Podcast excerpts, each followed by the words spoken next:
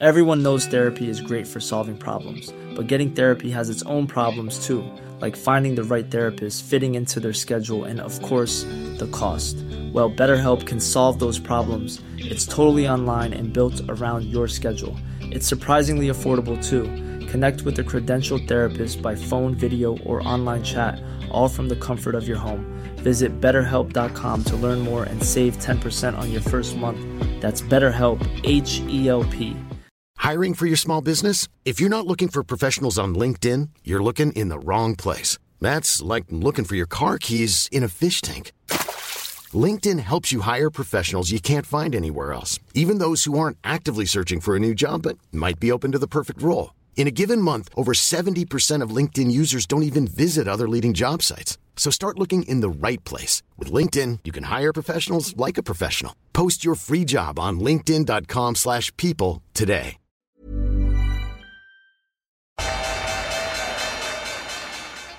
They mistook leverage for genius. Leverage for genius. I would recommend Japan. The governments don't rule the world. Goldman Sachs rules the world. Velkommen til episode 169 av podkasten 'Tid er penger', en podkast med Peter Warren. Jeg heter Sverre og er produsent, og i dag har vi som alltid planlagt masse tema i forkant. og Vi la et regneark på noen hundre punkter og sånn. Og så når vi starter, så, så måtte glei vi inn i en samtale vi hadde i går, går kveld og i dag morges. Så eh, det ble litt annerledes struktur, men jeg, jeg tror kanskje at det funka bra. Så vi går rett inn i en samtale om, om å bli eldre og, og glir over i eh, et annet tema med en gang. Men da tror jeg vi starter. Og eh, i dag sender jeg definitivt ut et nyhetsbrev. Tiderepenger.no nyhetsbrev hvis du ikke abonnerer. Som dekker både de punktene vi tok med i dag, og de mange punktene vi gikk glipp av fordi at vi hadde andre ting til å snakke om, tydeligvis. Men da går vi i gang. Nei, altså, litt som vi snakka om uh, Jeg starta bare rekord nå, jeg vet ikke helt uh, om, om det er riktig eller galt, men vi, vi snakka jo før, rett før vi trykte på om alder og i forbindelse med bursdager og diverse. Og en ting som jeg har tenkt på nå, er eh, bare historie Altså det som vi tenker på som fjern historie, hvorfor ting er som de er. At det ofte er så mye nærmere enn vi føler på, liksom. Altså Én ting er vi snakker om markeder og alt sånn at ting har forandra seg sånn i moderne tid, men jeg blir litt sånn sjokkert over hvorfor ting er som de er, liksom, hvis du skjønner. Ja. Selv i min livstid, altså. Hvorfor f.eks. den store filmen i Hollywood er som den er. Det er liksom én mann som er årsaken til det. Én okay. kokainfueled uh, natt. Der det, jeg har hørt på en podkastserie om Don Simpson i det siste. Og, og han liksom Én person som har mindreverdighetskomplekser fra Texas, endrer hele Hollywood på én natt, der han lager high concept-film, som basically er den moderne filmen. Um, og bare sånn på alle mulige områder. Det er sånne små ting som har skjedd. Også i nyere tid. Det er liksom, Man tenker på historie som så langt unna, men det er ikke så langt unna. Nei, men jeg tenker jo hvordan, hvor, det, hvor tilfeldig det er at vi blir preget av, av forskjellige ting. da. Altså Du kan si at hvis du tar inn, inn finans, men man kan ta det innenfor mange ting. Men siden vi stort sett snakker om det, så altså for de som opplevde krakk i 87, så har det en sånn eksistensiell forandring på hvordan du, du, så på markeder. Også fordi veldig mye av matematikken bak markeder ble knust den dagen. Eh, blant, blant annet altså at, man, at, eh, er, at eh, avkastningen følger en normal distribusjon, f.eks.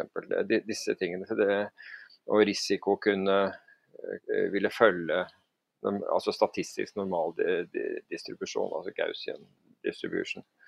Um, og det forandrer deg, og det forandrer deg, ikke sant. Og det, og det, men det samme gjelder jo Asia-krisen. Veldig, veldig spesiell uh, i, i, hvordan det virket i markedene. Nemlig at, at, det var sånne prishopp fra et øyeblikk til et annet som, som nesten var u, u, uforklarlig. Det var vanskelig å vite hva altså Når du handlet, at, uh, og særlig for for, for mitt vedkommende, som handlet veldig mye i den perioden, så, så var det og, kanskje 100, flere hundre handler om dagen.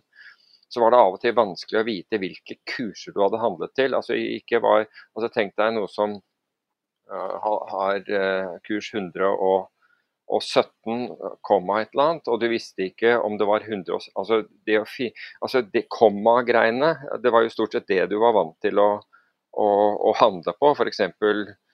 117,25 eller 117,26, 27 også sånt, sånt, ikke sant? Men etter at handelen var gjort, du visste ikke om det var 117 eller 115. Du prøvde liksom å finne ut altså, hvilken big figure altså foran komma var det jeg handlet til. Og det, det, var ekstremt, og det også påvirker deg. Og de som, de som, på en måte var i markedet, altså ikke de som var fjerne til markedet og, og for unge til å få det med seg, men de som faktisk var i markedet under, under finanskrisen, eller for så vidt dotcom, de ble preget av det og er, og er, fortsatt preget av det og vet om og forstår at det er mye større, et mye større risikobilde enn f.eks. tiden etter fra 2009 og frem til 2022. Og så, så, er det jo ikke sånn at den som har vært der lengst, har mest rett, nødvendigvis. Men de har, de har en annen forståelse av verden enn de som kom etterpå. Da. En helt annen forståelse. Og sånn vil det jo gjelde pandemier, kriger altså Det nærmere du har vært en, en, en konflikt, det nærmere du har vært f.eks. en ta deg, ta deg, selv.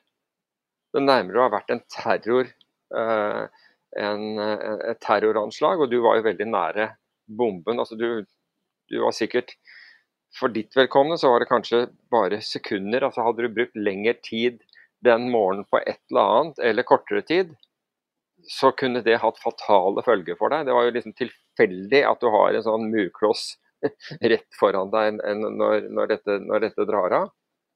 36 sekunder. Ja. Jeg gikk det ut en gang. Jeg sto rett foran Finansdirektoratet når 22. juli-bomba gikk av. Finansdepartementet, mener du? Ja. ja, departementet. Jeg gikk mot det. Eh, så hadde jeg kommet et halvt Jeg var for sent på jobb, så Men jeg er enig i at uh, Jo, men 36 sekunder, ikke sant. Og, og hvor tilfeldig livet er på mange måter. Fordi 36 sekunder forsinkelse eller noe sånt noe, eller, eller, eller tidligere uh, ville fått fatale følger. Og, sånn er, og, det er jo noe i hvert fall jeg filosoferer over, for jeg har sett så mange uh, tragiske Eller opplevd, altså ikke selv opplevd, men, men at andre også, så utrolig tilfeldig det har slått ut. Og hvor du går tilbake og tenker altså Hadde bare vedkommende vært et lite øyeblikk seinere den morgenen, så hadde ikke det der skjedd. Hadde ikke blitt truffet av den der bilen. ikke sant? Hadde ikke den der hendelsen skjedd med osv. Så, videre. så ja, dette ble jo litt mye filosofi, kanskje, men Jeg vet ikke, er det ikke naturlig rundt bursdager? og Jo eldre man blir, jo mer uh, filosoferer man? Det eldre, det eldre, du blir, det mer eh, jeg, jeg, tror at det er noe i forhold til at det eldre du blir det, det, altså per definisjon det nærmere er du døden. Uh, uh, artig for øvrig. Uh, for to måneder siden, mener jeg det var, så hører jeg på morgennyhetene, og da er det en studie som blir, blir sitert i, på NRK, hvor av de som de som tilsetter salt, salt i maten, altså tilsetter etter at du har liksom fått det på, på tallerkenen, har en 28 høyere sannsynlighet for dødelighet og så tenker jeg i øyeblikket tenker oi shit, skal, her må jeg være forsiktig med å salte maten. Men dette, vent nå litt, da. Det, det, sa jo egentlig ingenting. Du har jo en 100% sannsynlighet for dødelighet i utgangspunktet. Så har du nå fått en 128% sannsynlighet. Det er jo meningsløst. Skjønner du? Altså, jeg, prøvde, jeg, prøvde, å søke opp det der etterpå for å, for å, finne ut hva var det egentlig det mente, men det de sa på morgennyhetene, hadde ingen mening. ingen mening whatsoever. Annet enn kanskje være, være litt forsiktig med saltet ditt. Men 28 høyere, høy, høyere sannsynlighet for dødelighet, det OK. Når du har 100 i utgangspunktet, det får jeg ikke til å slutte å bruke salt. Altså. Det er vel sånn i medisin at man, eh, man, bruker statistikk for å beskrive en populasjon, ikke for å beskrive skjebnen til en person. Så hvis du begynner å snakke om hvor sannsynlig noe er for å gå bra eller dårlig, så gjør du dårlig vitenskap sånn som du sier der. Mens uh, sannsynligheten er jo alltid én eller uh, null. så det ja, altså for, for, går det bra eller dårlig. Ja, for oss mennesker um, så, så, så vet vi For enkeltpersoner så kan du ikke bruke statistikken. Det hjelper deg jo ikke om det går bra med de fleste, for det er jo noen det går dårlig med osv. Nei, men, men jeg tenker at den, den, som valgte ut den storyen, altså valgte å, å ta med det på, på nyhetene, kan umulig ha tenkt eh, liksom helt eh, resonnert over, over, hva, hva man, man, gjorde. ikke sant? Fordi det er sikkert sånn en 28 større dødelighet innen en viss alder eller i forhold til en viss mengde, et eller annet, men det kommer jo ikke frem. Det kommer jo ikke frem i det hele tatt. F.eks. At, at livet ditt blir forkortet. Det ville gitt en annen form for mening hvis du satt det i en kontekst. Men å bare si at hvis du, hvis du salter maten din, så har du en 28 eh, større, større sannsynlighet for, for, for, for, noe som allerede du vet vil skje. Det, det, er ikke Det ga ikke mening. Men veldig ofte så er det sånn vitenskapsjournalistikk som uh, bommer litt. Det blir noe lost in translation. Ja, det her blir... Jeg, jeg husker, nå, nå, tar jeg det på hukommelsen, men den opprinnelige studien som førte til alle artiklene om at to glass vin om dagen eller et eller annet sånt er sunt, mm. bunnet ut i at, eh, at For studien sa at all mengde alkohol var giftig for deg, uansett hvor lite. Eh, og så sa studien, så fikk de noe sånt som spørsmålet men er det ingen mengde, hva du ville anbefale? Og da sa de noe sånt som ja, men hvis du tar to glass vin, så er det kanskje mindre ille enn det andre. Og så det, ble det til en artikkel om at to glass vin er sunt for deg. Og det leda hele verden inn på ei retning. Eh, apropos det, har du fått med deg den studien som kom i helga? Uh, nei, Eller hva, hva var det? falsifisering av det mest Kanskje det mest tragiske som har skjedd i moderne forskning. Uh, den opprinnelige forskninga som var gjort på Alzheimer i 2006, tror jeg det var, uh, som um, Altså som tok høyde for liksom, altså, Laget grunnlag for moderne forskning på Alzheimer, viser seg å være falsifisert. Så nesten 20 år med forskning og noe sånn som 100 milliarder kroner er brukt for å følge opp den forskninga. Eh, men i hvert fall den forskninga som all forskning er basert på, var falsifisert. Sånn at all Alzheimer-forskning, med, med, noen unntak, da, de siste 15-20 årene er jo kasta bort. Ouch. det er noe av det mest tragiske jeg har hørt. Jeg hadde ikke tenkt å ta det med, så jeg har, jeg har ikke det foran meg, men uh, skal se om jeg Men kanskje Altså, det er jo litt Nei, det, bare... det er jo en ironi i det. For de som har Alzheimer, de, de, husker jo ikke det uansett. Ja, men Alzheimer er jo også altså, Man kan kimse av det, men det er jo Leger beskriver det som det aller tristeste du ja, kan få. Ja, og det, altså, det har jeg ting. absolutt. Og jeg, ikke... jeg, jeg, jeg, kjenner vel ingen nålevende som, som har det, men jeg husker moren til en, en venn av meg fikk det. Og, ja, og det var, som du sier, tragisk. Critical research on the cause of Alzheimer may have been falsified. Scientists could have been led down a blind alley for more than a decade. ja. Men sånn er det. Altså når, men vi, vi, kunne jo gli inn i det vi diskuterte i går, i, i går kveld. Hva det var? Ja. jeg husker Matvarekrise, ikke sant? Matvare- og vannkrise. Eller, men, men, først og fremst okay. matvarekrise. Jo, men jeg syns det, det, det, er fair å, å, gli inn i den, fordi hvis det er slik at vi har, at vi har en forestående eller en allerede uh, matvarekrise fordi det, Du kan jo hevde at i hvert fall i enkelte land så er det jo, uh, så er det jo uh, opprør osv. I, i, i forhold til prisene på mat. Men nå er det ikke bare prisene på mat, nå er det snakk om at man får mat i det hele tatt. Og du siterte vel Var det, var det Fink i BlackRock som du nevnte, eller var det noen andre? Jeg kan sitere hele. så Lerv Fink er leder av BlackRock. BlackRock er verdens største forvalter. med da Min, min assumption var at pga. Han, han i praksis Hans selskap eier hele verden omtrent. Så skulle jeg tro at han hadde uvanlig mye innsikt i mm. ting som de ser i de selskapene, vil jeg tro. Det er min assumption. da. Og han sa i et intervju The one thing I worry about that we don't talk enough about is food. this isn't just an inflation concern. There are also geopolitical concerns that result from this. We talk a lot about gasoline prices because that's what affect Americans, but the bigger issue is food. Og så går han videre og nevner Ukraina, men han nevner også kostnaden av kunstgjødsel osv. Mm.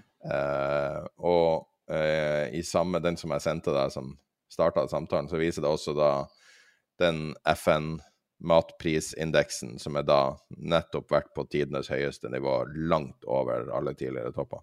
Ja. Den går på, den går på, på, på pris eller tilgang? Sorry, FAO foodprisindeksen. Ja, men er det, er det, går den på pris, eller går den på tilgang? Mengde? FAO Food Price Index is a measure of the monthly change of international prices of basket Ja. of good commodities. Akkurat. Jo. Consists on the average of yeah. Ja, altså, så den, så den går, går på, på mengde. Og du kan si at du, altså Jeg har også lest uh, at, at man, man, man snakker om en, en matvarekrise. Delvis at den er, er, allerede er etablert i uh, noen land. I hvert fall er det opprør mot det pga. Prisene. Eh, og delvis en kommende en.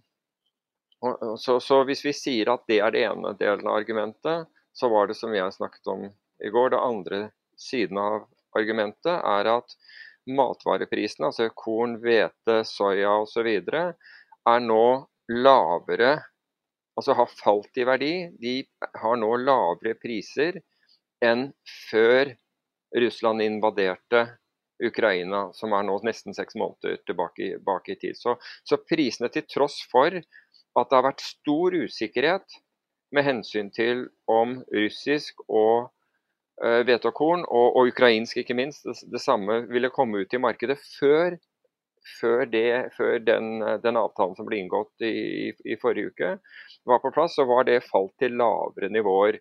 Det for meg tilsier at hvis du tenker på tilbud og etter, etterspørsel, er at etterspørselen er lavere enn tilbudet. Og det kan godt hende at det skjedde pga. at prisene var så høye, men prisene har nærmest, altså i anførselstegn, kollapset siden det. Det samme ser vi i transportkostnader, hvis vi ser på, på, på skip, både bulk- og containerskip, er, er, har falt dramatisk. Så hvis, hvis matvareprisene Altså hvis, hvis eh, tilbudet nå er, er høyt, og hvis tilbudet er høyt, transportkostnadene er lave, men etterspørselen er egentlig høy, så er det noe som ikke stemmer her. Det er noe i dette bildet som ikke stemmer. Og som jeg, som jeg kommuniserte med deg sent i natt og, og, og delvis uh, tidlig på morgenen i dag, det interesserer meg. Det interesserer meg å få svaret på hva er det som foregår her. For, for disse to tingene, det er, dette er dissonans på, på høyt nivå. Du kan, ikke, du kan ikke på den ene altså Etter at matvareprisene Men jeg tror altså En av forklaringene eh, som jeg tror kan, kan gjelde her, er at man har hengt seg opp i de høye prisene og har ikke tatt til seg at det har falt. At mange har gjort det, slik at man egentlig agerer på, på gammelt nytt. På gamle fakta, om du vil. Og så får vi se om dette er mer Det er sikkert mer komplekst enn en bare det. Men det er, en, det er et åpenbart misforhold mellom prisingen av, av uh, matvarer. Altså, og da, da, snakker jeg om de råvarene som er essensielle for, uh, for mye av den maten vi, vi, og næringen vi, vi trenger.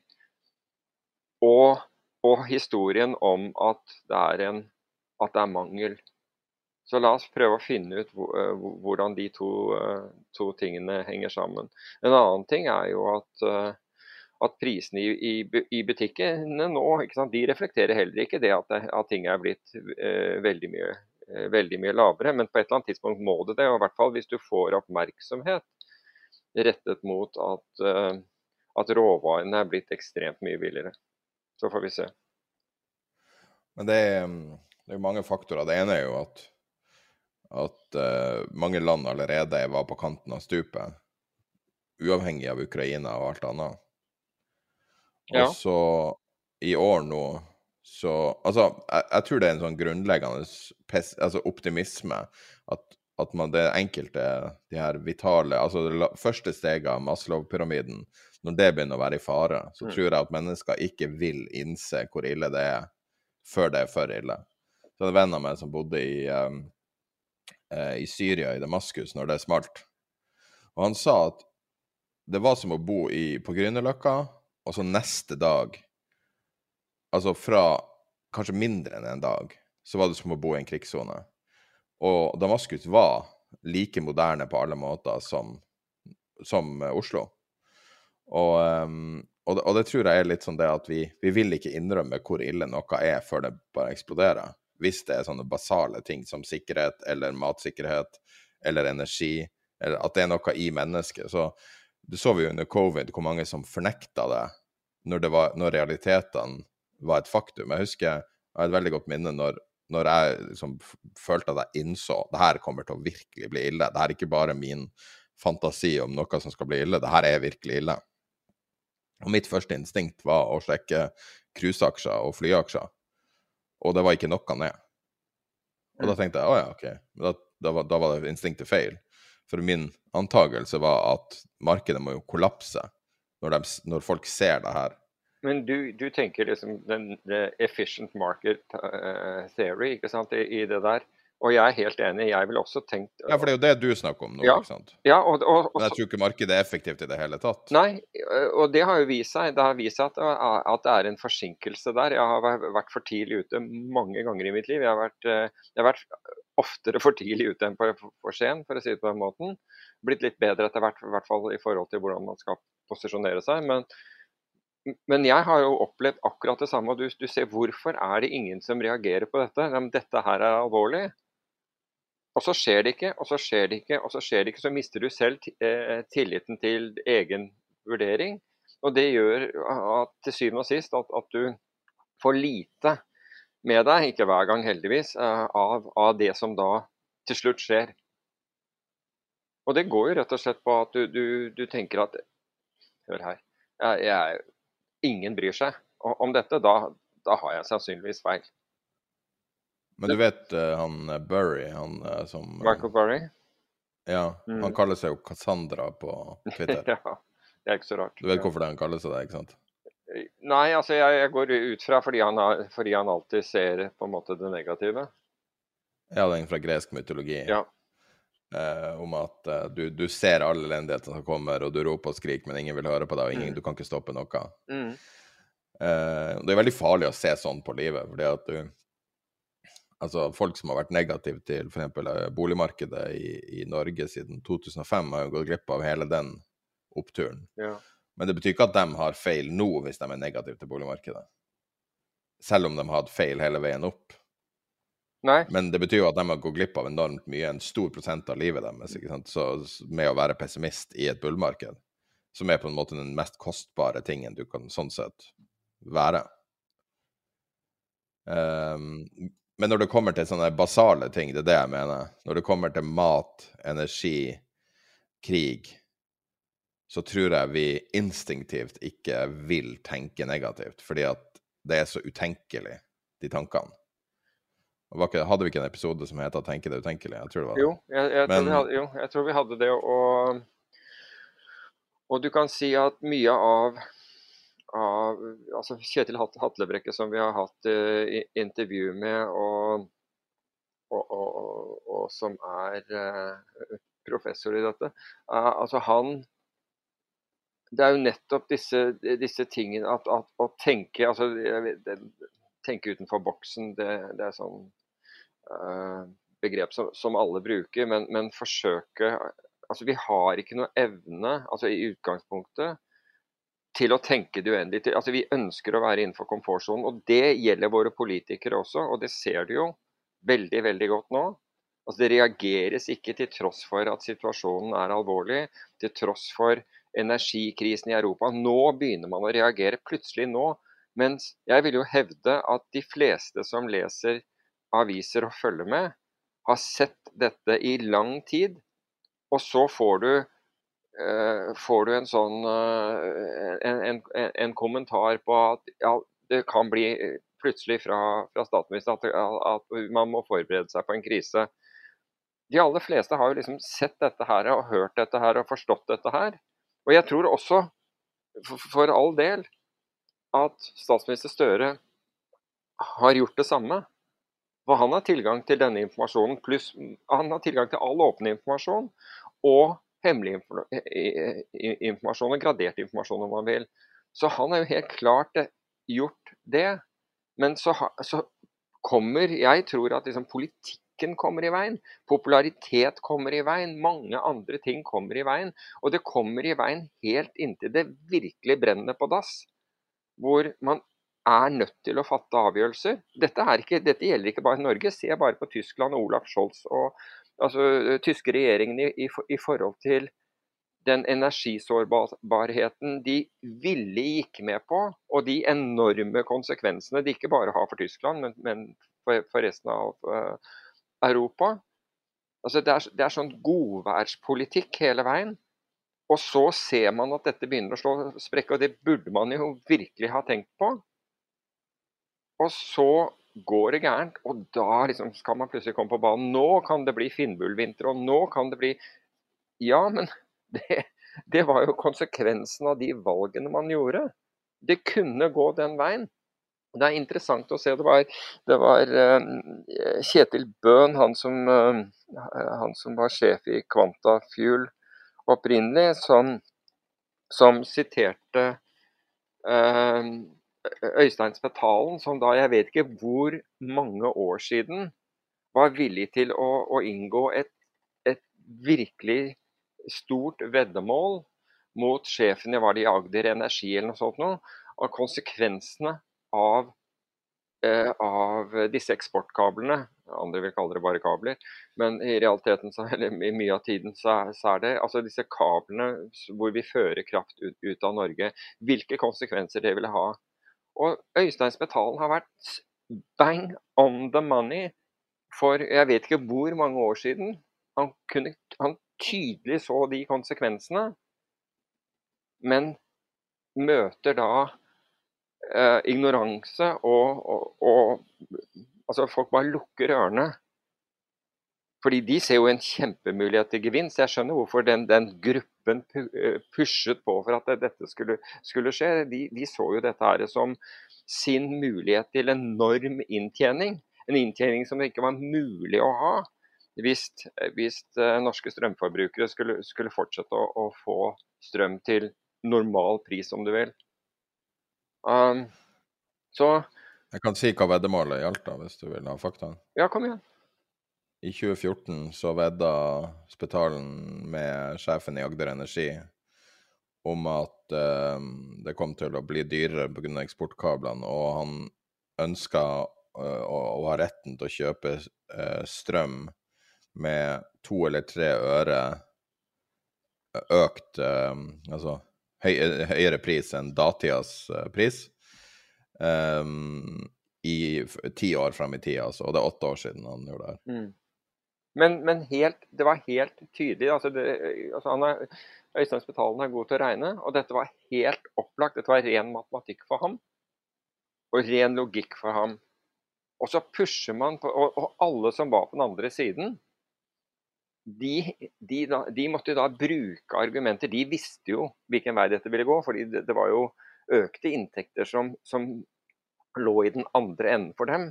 Men man måtte da finne på forskjellige forklaringer og unnskyldninger til at, de, at sånn ville ikke være.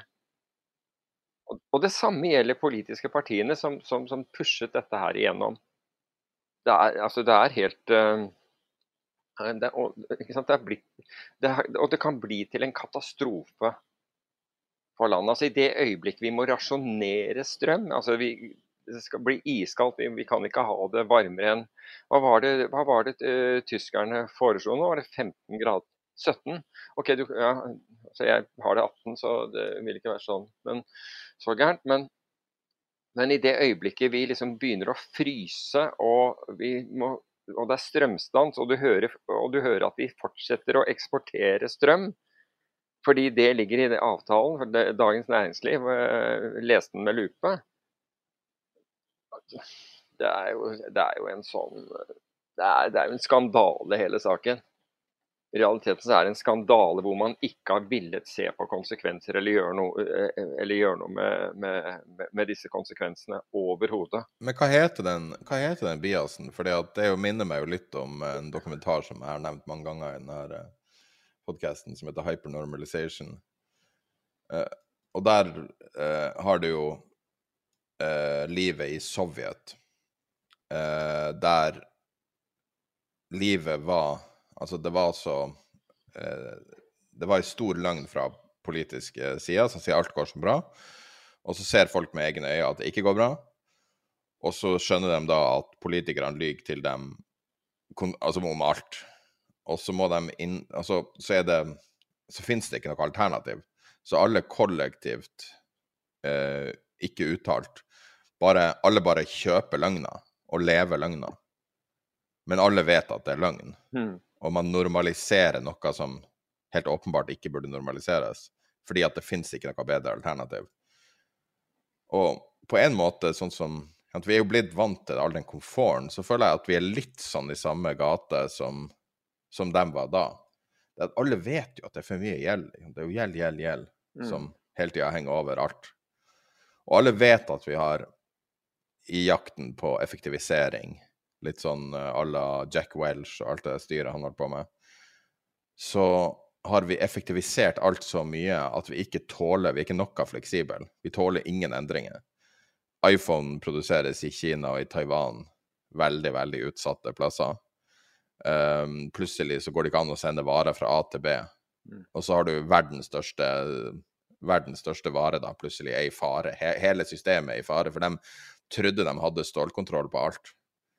Også, og, og, det tror alle i alle ledd. ikke sant? Så når vi snakker om inflasjon og vi snakker om matusikkerhet og sånn, så er det ikke bare pris. Det er også tilgjengelighet. I Storbritannia nå så er det jo fortsatt tomme hyller regelmessig. Mm. I afrikanske land er det inflasjon på så mye som 500% enkelte steder. Ja, Du kan jo bare ta Tyrkia når det gjelder riktignok ikke 500% men den er vel tett på 90, er den ikke det? I hvert fall 80. Um, ja, 80. Ja, så uh, Nei, det, det, er bare det at det er nok, Men er det ikke en bias når ting, når, når ting ser ukomfortabelt ut framover? Den der evige sammenligninga er jo Tyskland på 30-tallet, men hvis man bare tar bort den men altså bare uh, Når ting ser så ubehagelig ut at du ikke klarer å tenke tanken, og, og det, mm. det, er det jeg ser mye av med folk jeg snakker med, vanlige folk jeg snakker med nå, som virker å være litt sånn at man, man ser ingen løsning. Så man bare nyter øyeblikket? ja, altså jeg har, jeg, min oppfatning er at, at, folk ikke orker å tenke over det, egentlig.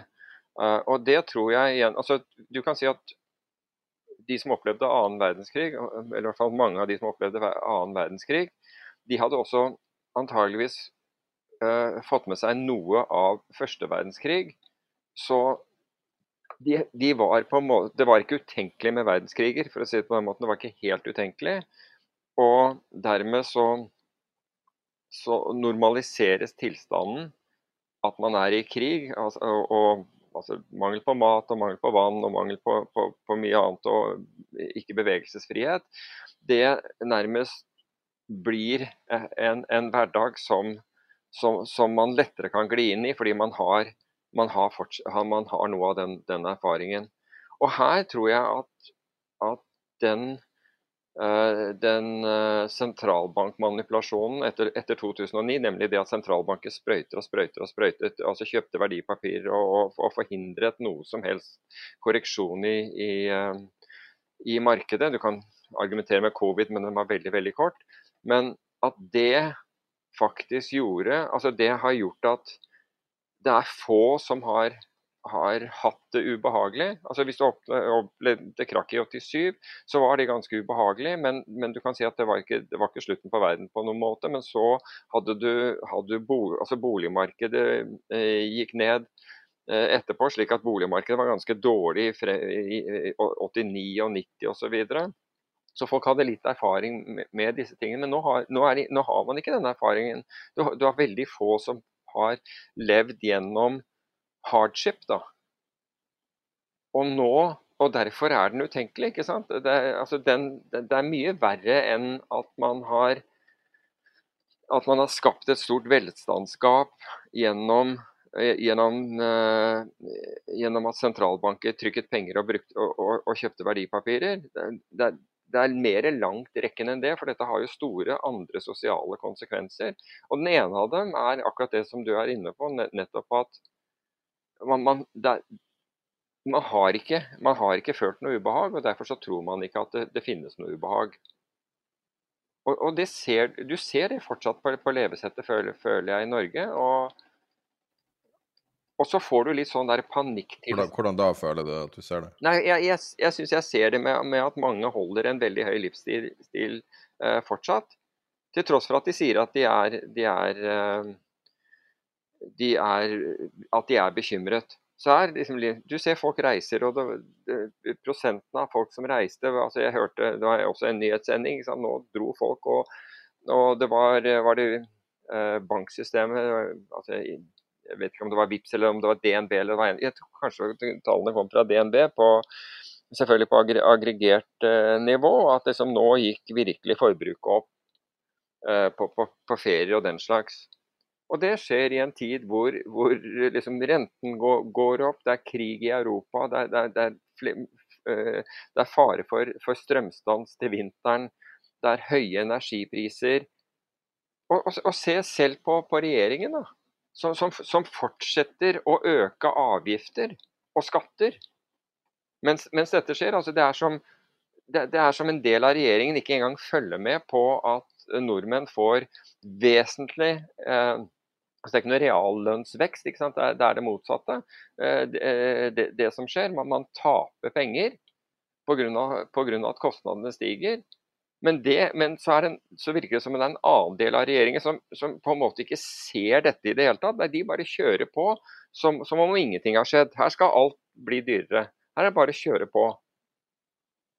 Og det er en sånn dissonans ute ut og går som Og det er derfor lederskap trengs. Det trengs noen som på en måte ser helheten i dette og sier du, dette her, det betyr at vi må skru igjen de tiltakene. Hvis det skjer, så må vi gjøre sånn. Altså bare ha istedenfor stå der og si at å, dæven, skjedde det, ja. Oi, det er, det er... Men vil ikke alle bare sitte stille i båten? Er det ikke det som er poenget? Det er strategien alltid? Ja, det var et meglerforetak som sa, husker jeg, som sa til sine kunder eh, om, eh, om eh, markedet for high yield-obligasjoner.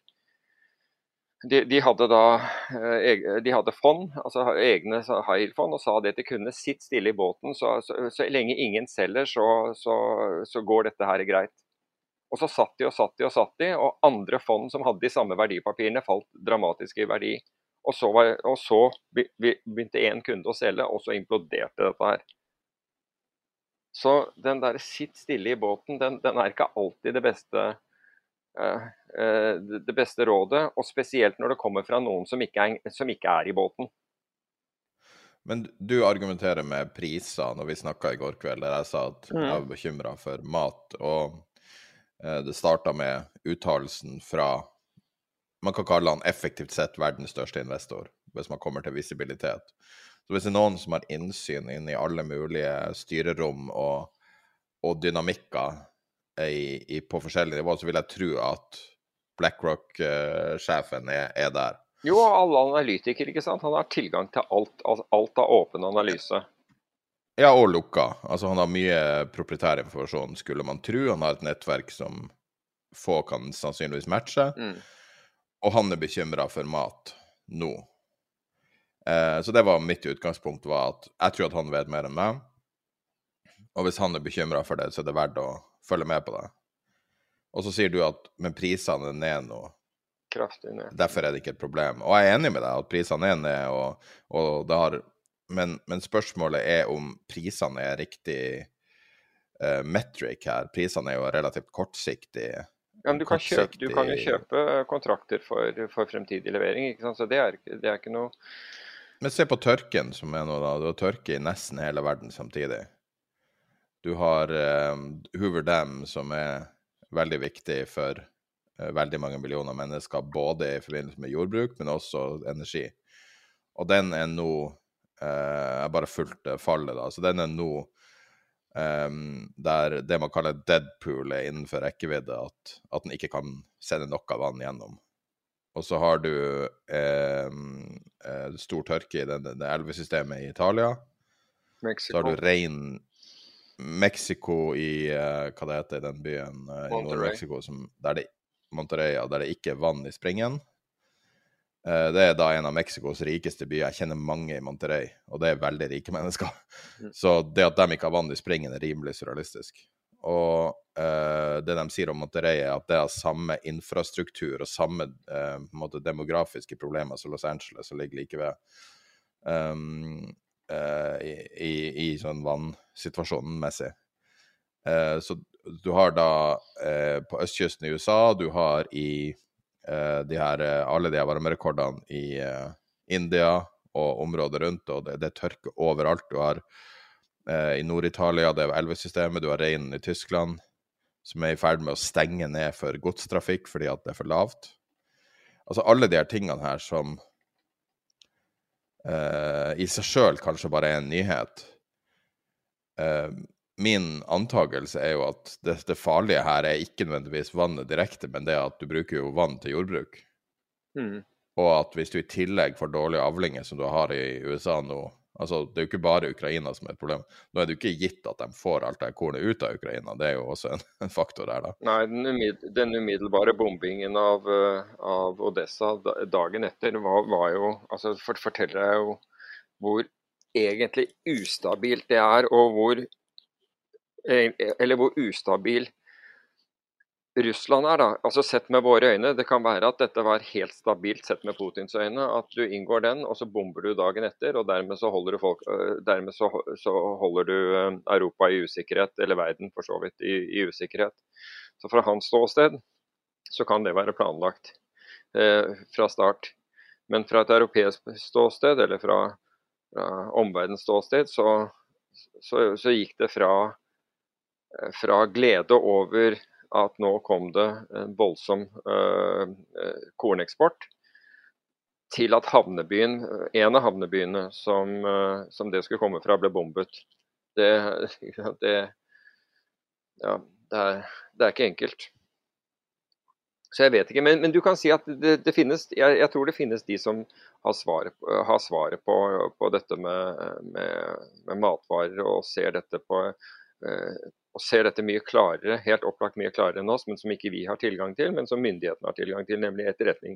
Altså Utenlandsetterretningsorganisasjoner, altså E-tjenesten i, i, i, Norges tilfelle, og CIA, som er veldig opptatt av, av for øvrig disse tingene, har egne avdelinger som bare, som bare innhenter informasjon. Så jeg, jeg, er temmelig sikker på at, at de har en har en god oversikt over, over situasjonen gjennom, gjennom eh, satellitt, droner og, og, folk på bakken i, i, de ulike landene. Men dette er informasjon som Deres informasjon eh, er jo, publiseres jo ikke vanligvis Eller de har, de har åpne eh, de har en åpen sånn trusselvurdering eller åpen sånn årlig sak. Det, den er grei, og noe, noe kommer ut. Men informasjonen deres går til beslutningstakerne i landet, nemlig regjeringer. Og så er det opp til regjeringer å, å reagere på det. Eh, på dette, og Etterretningsorganisasjonene de, gir, de, de forteller ikke hva som, hva som, kommer til å skje, de, de forteller hva, hva, de vet. Eh, og gir den informasjonen som estimater, og så er det regjeringen som regjeringer altså i de respektive landene som beslutter hvordan man skal forholde seg til dette. Være seg at man, man strømrasjonerer eller på, på, andre, på andre, måter. Så jeg, jeg tror at altså, svaret på de, det vi lurer på, og som ikke jeg har klart å finne ut av eh, fra vi begynte å snakke i natt og, og til denne podkasten begynte i dag, enda jeg, jeg, søkte gjennom og forsøkte å finne med, ut mest mulig om det. Um, de har svaret. Men det kan hende at, altså kan hende at med, med, åpne kilder, altså ting som vi alle har tilgang til, at vi klarer å finne svar på dette her. Ehm, altså det er et paradoks mellom det som, det som nå skjer i råvaremarkedet, og, og det som tilsynelatende uh, mange er opptatt av, noen mener er tilfellet. Altså, det du sier med vann, det er, det er tilfellet. Det, det, det, er, det, er, ikke noe vi, vi debatterer ikke hvorvidt det er vannmangel i Monterey eller steder i Italia, for det, det er common knowledge. men, men, men akkurat denne mat, matmangelen som, som, både hevdes allerede er der og vil bli my mye verre, den føler jeg at, at fortsatt er, er debatable. Altså, eller i hvert fall her må vi, vi må til bunns i, i det. Jeg, jeg, kan ikke konkludere med at det er riktig. Ja. Nei, um, altså ordet er jo 'food insecurity', da. Men det er frasen som man Hvis man, uh, hvis man legger inn en sånn på sånn Google uh, uh, hva det heter, sånn nyhetsvarsel, så får du mye depressive nyheter, mm. hvis det er det du vil ha. men alle som Altså World Food Program f.eks. advarer mot en episk eh, eh, sultkatastrofe. Og de trekker fram Ukraina eh, i den høringa. Det er jo til en viss grad for det er noe man kan gjøre noe med. Men jeg tror ikke det starter å stoppe der. Nei, det tror ikke jeg heller. Men det er ikke tilfeldig at, at, at Russland uh, invaderer Ukraina. Det er ikke liksom tilfeldig valgt. Er, man setter en enorm altså, press på, på EU uh, og, og, på verden. Men nå tror jeg så langt at det har utviklet seg i uønsket retning. Fordi man trodde at, at man skulle ta Ukraina på tre dager, og seks måneder senere så har man, har man kontroll over, eh, over en, en, liten del eh, øst i landet. Og, og, og, brifer nå med at man skal, skal, skal ta mer, men samtidig så kommer det våpen inn. Men det var som vi som vi har snakket om tidligere, det er, det er for, forskjellen altså Tenk deg eh, altså, Russland har én mann som bestemmer alt i, i, i praksis. De europeiske landene har da statsoverhoder som noen er på valg, ta f.eks. Italia osv. Og vi vet hvordan Russland på, kan påvirke valg. Altså det, er, det, er, så mye som skjer. Det er en så komplisert mosaikk på den andre siden at, uh, at, at den per definisjon er er, er svak, og hvis den ikke da eh, blir fortified, altså bestyrket av bl.a.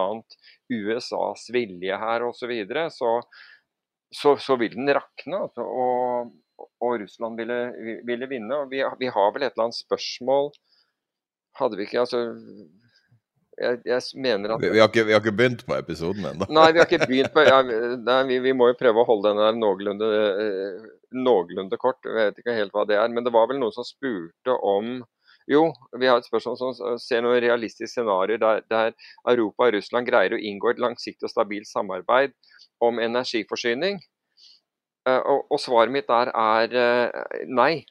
Fordi jeg tror ikke vi kan Jeg tror ikke Europa Jeg tror Russland har ødelagt den muligheten. Russland har med vilje ødelagt den muligheten. Og Derfor så kan ikke Europa stole på at du har et samarbeid, et langsiktig og stabilt samarbeid med Russland. Jeg tror uh, forholdet til Russland er blitt ødelagt for mange tiår uh, fremover. Og definitivt så lenge Putin uh, sitter, sitter, ved makten. og vi, på, på, en måte kan vi vel være lykkelige over det. Det høres helt feil ut i, i uttrykk, men det kunne, det kunne vært verre. Et, et, angrep mot et annet for, for eksempel, Det kunne vært et angrep mot et, mot et land innen EU. eller Det kunne vært, altså, det, er, det er så mange muligheter som kunne gjort dette her, her verre. Men jeg tror at eneste årsaken til Ukraina det var at man trodde at det var en, en lett, det ville være en lett seier. Og der bommet Putin grovt.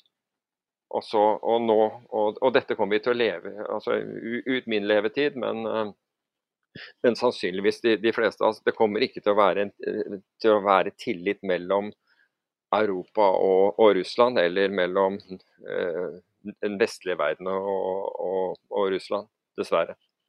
Vi har jo liksom et sånn um, uh, balance of uh, terror, eller hva man skal kalle det, som har vært siden vet ikke når det starta, 62 eller 55 eh, Når var det når de, eh, Russland fikk uh, hydrogenbomber?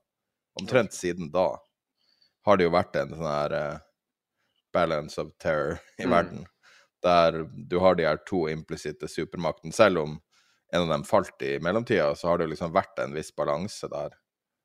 Fordi at du hele tida visste at, at atomvåpen var der, og så videre.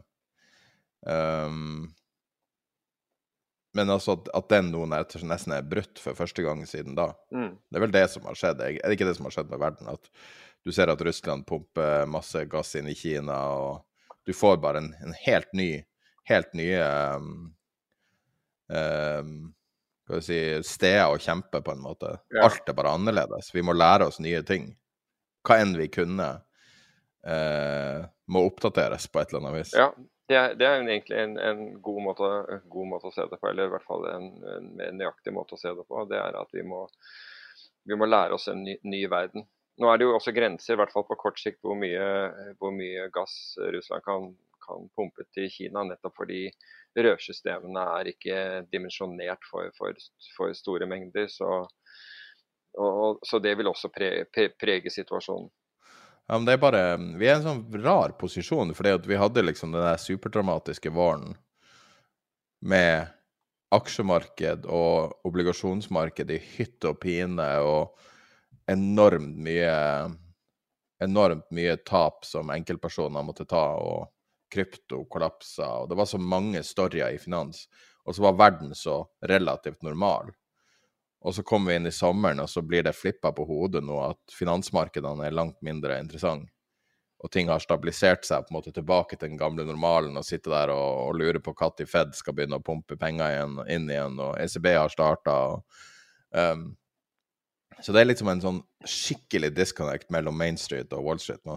Ja, altså, ECB, bare for å, altså ECB har jo ikke startet. Det, det de har, har, gjort, det er at uh, jeg tenkte på den sikkerhetsventilen. Der. Ja, du tenker på TPI-en, ikke sant? Transmission Protection. Ja. Uh, var det instrument, er det det de kaller det? Men altså, den, den, den, har jo ikke gjort det, men de er forberedt på å Det er helt riktig at de er forberedt på å, å stabilisere obligasjonsmarkedene, og de er ikke interessert i altså allerede, Vi hadde jo den der hvor Lagarde vi, vi, beskrev det der hvor hun gikk ned i kjelleren på det der hotellet. altså og Det er jo faktaopplysning for øvrig, med, med en iPad og en kopp, kopp kaffe, og, og løste på og, og fikk da eh, spredden mellom italienske eh, tiåringen og tyske tiåringen halvert, nesten.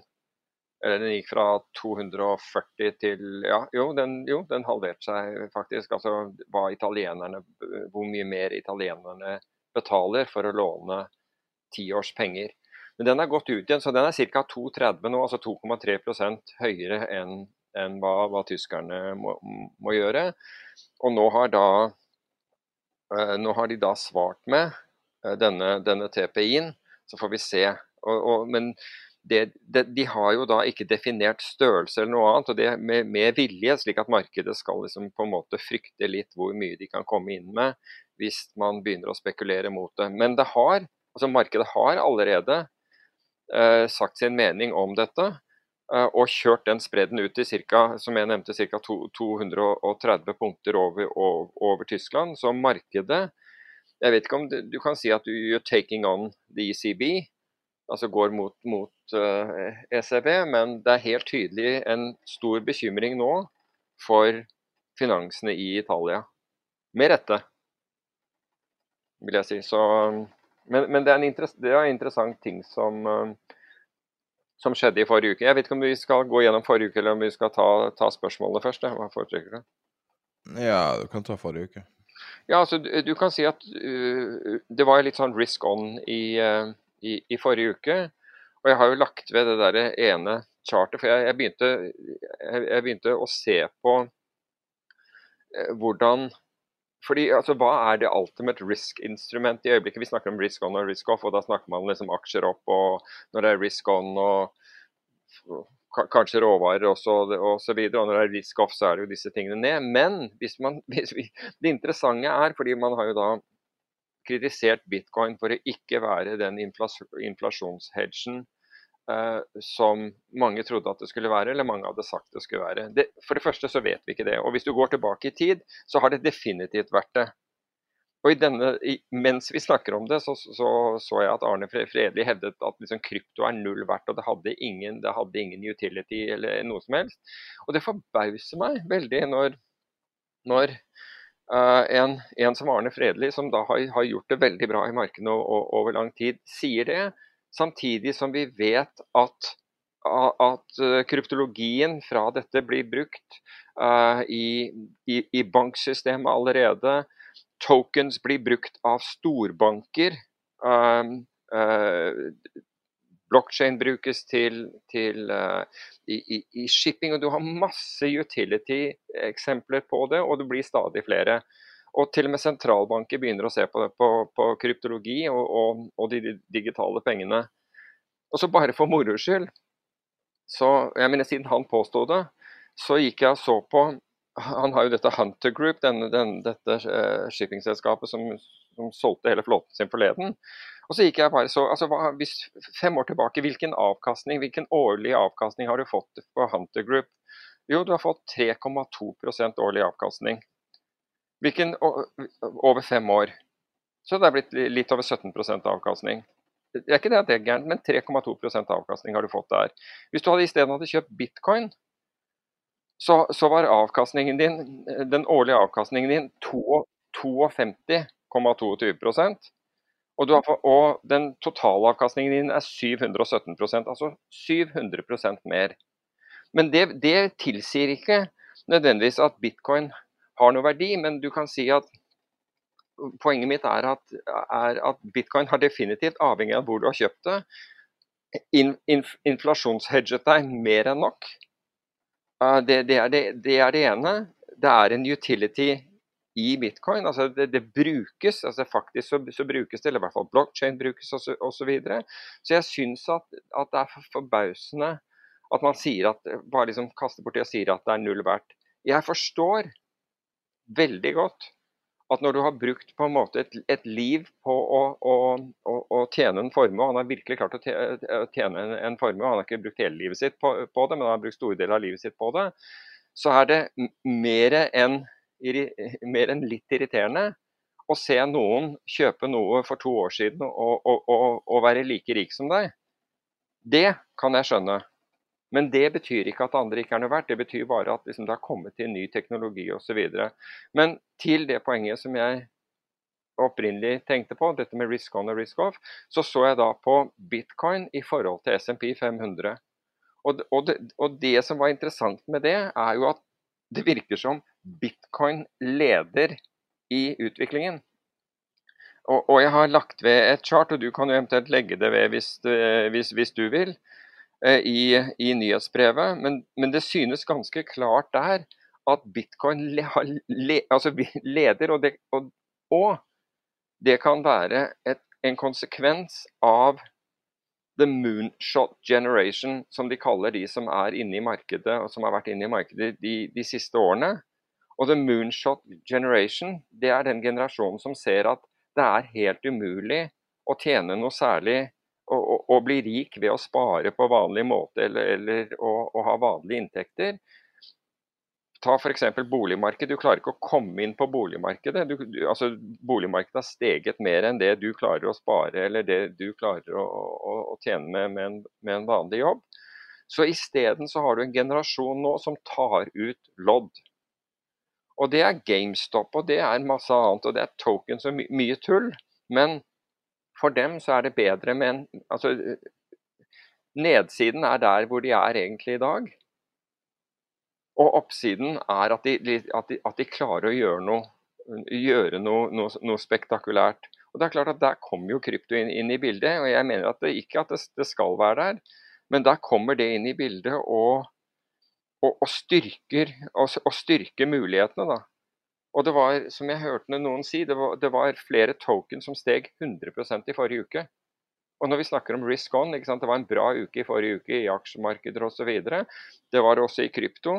Krypto steg 7, 8, eller, eller, i bitcoin steg 7-8 så det steg mye mer enn en markedene.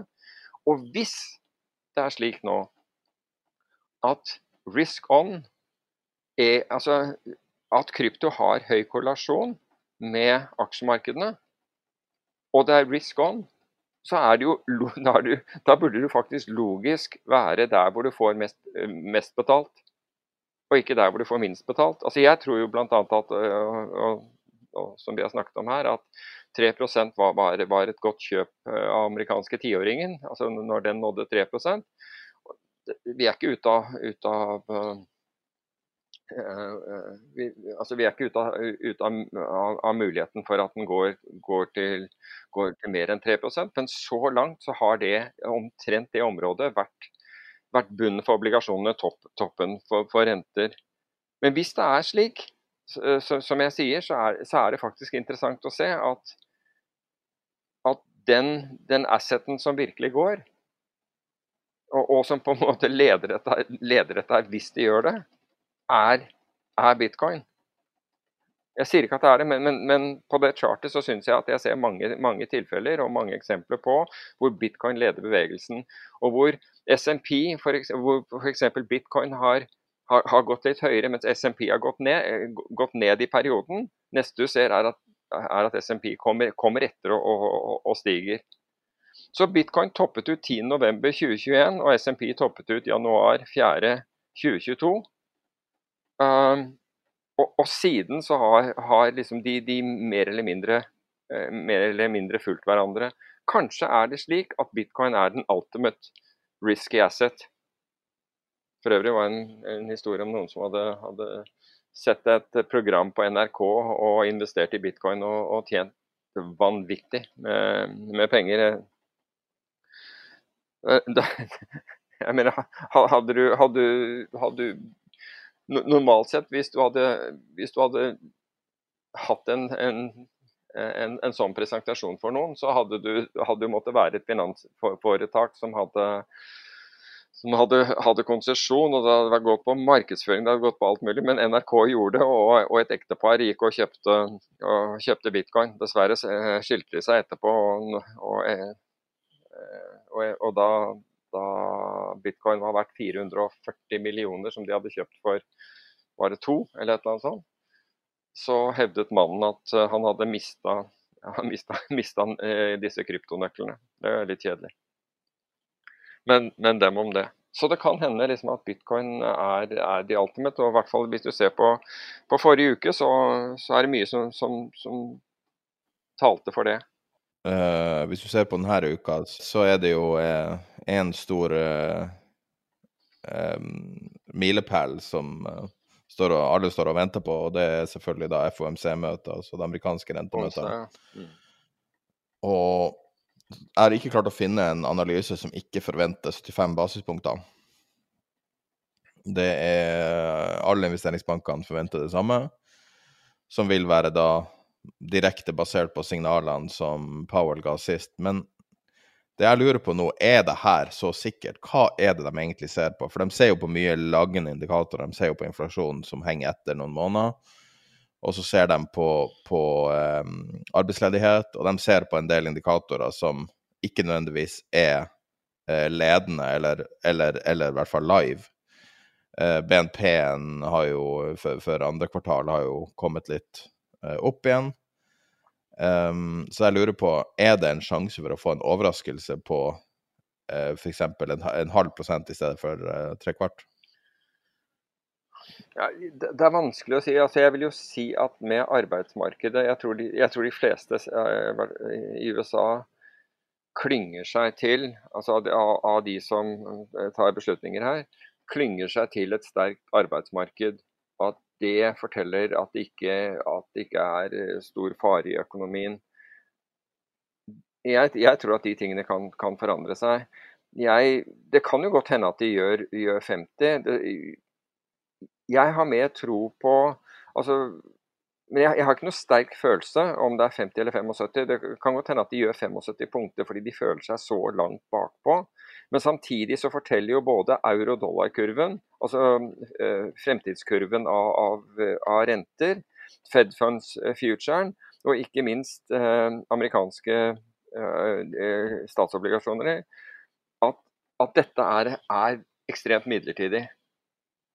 Og det flyttes stadig fremover i, altså mot oss i tid. Nemlig når, når renten skal, skal uh, toppe ut.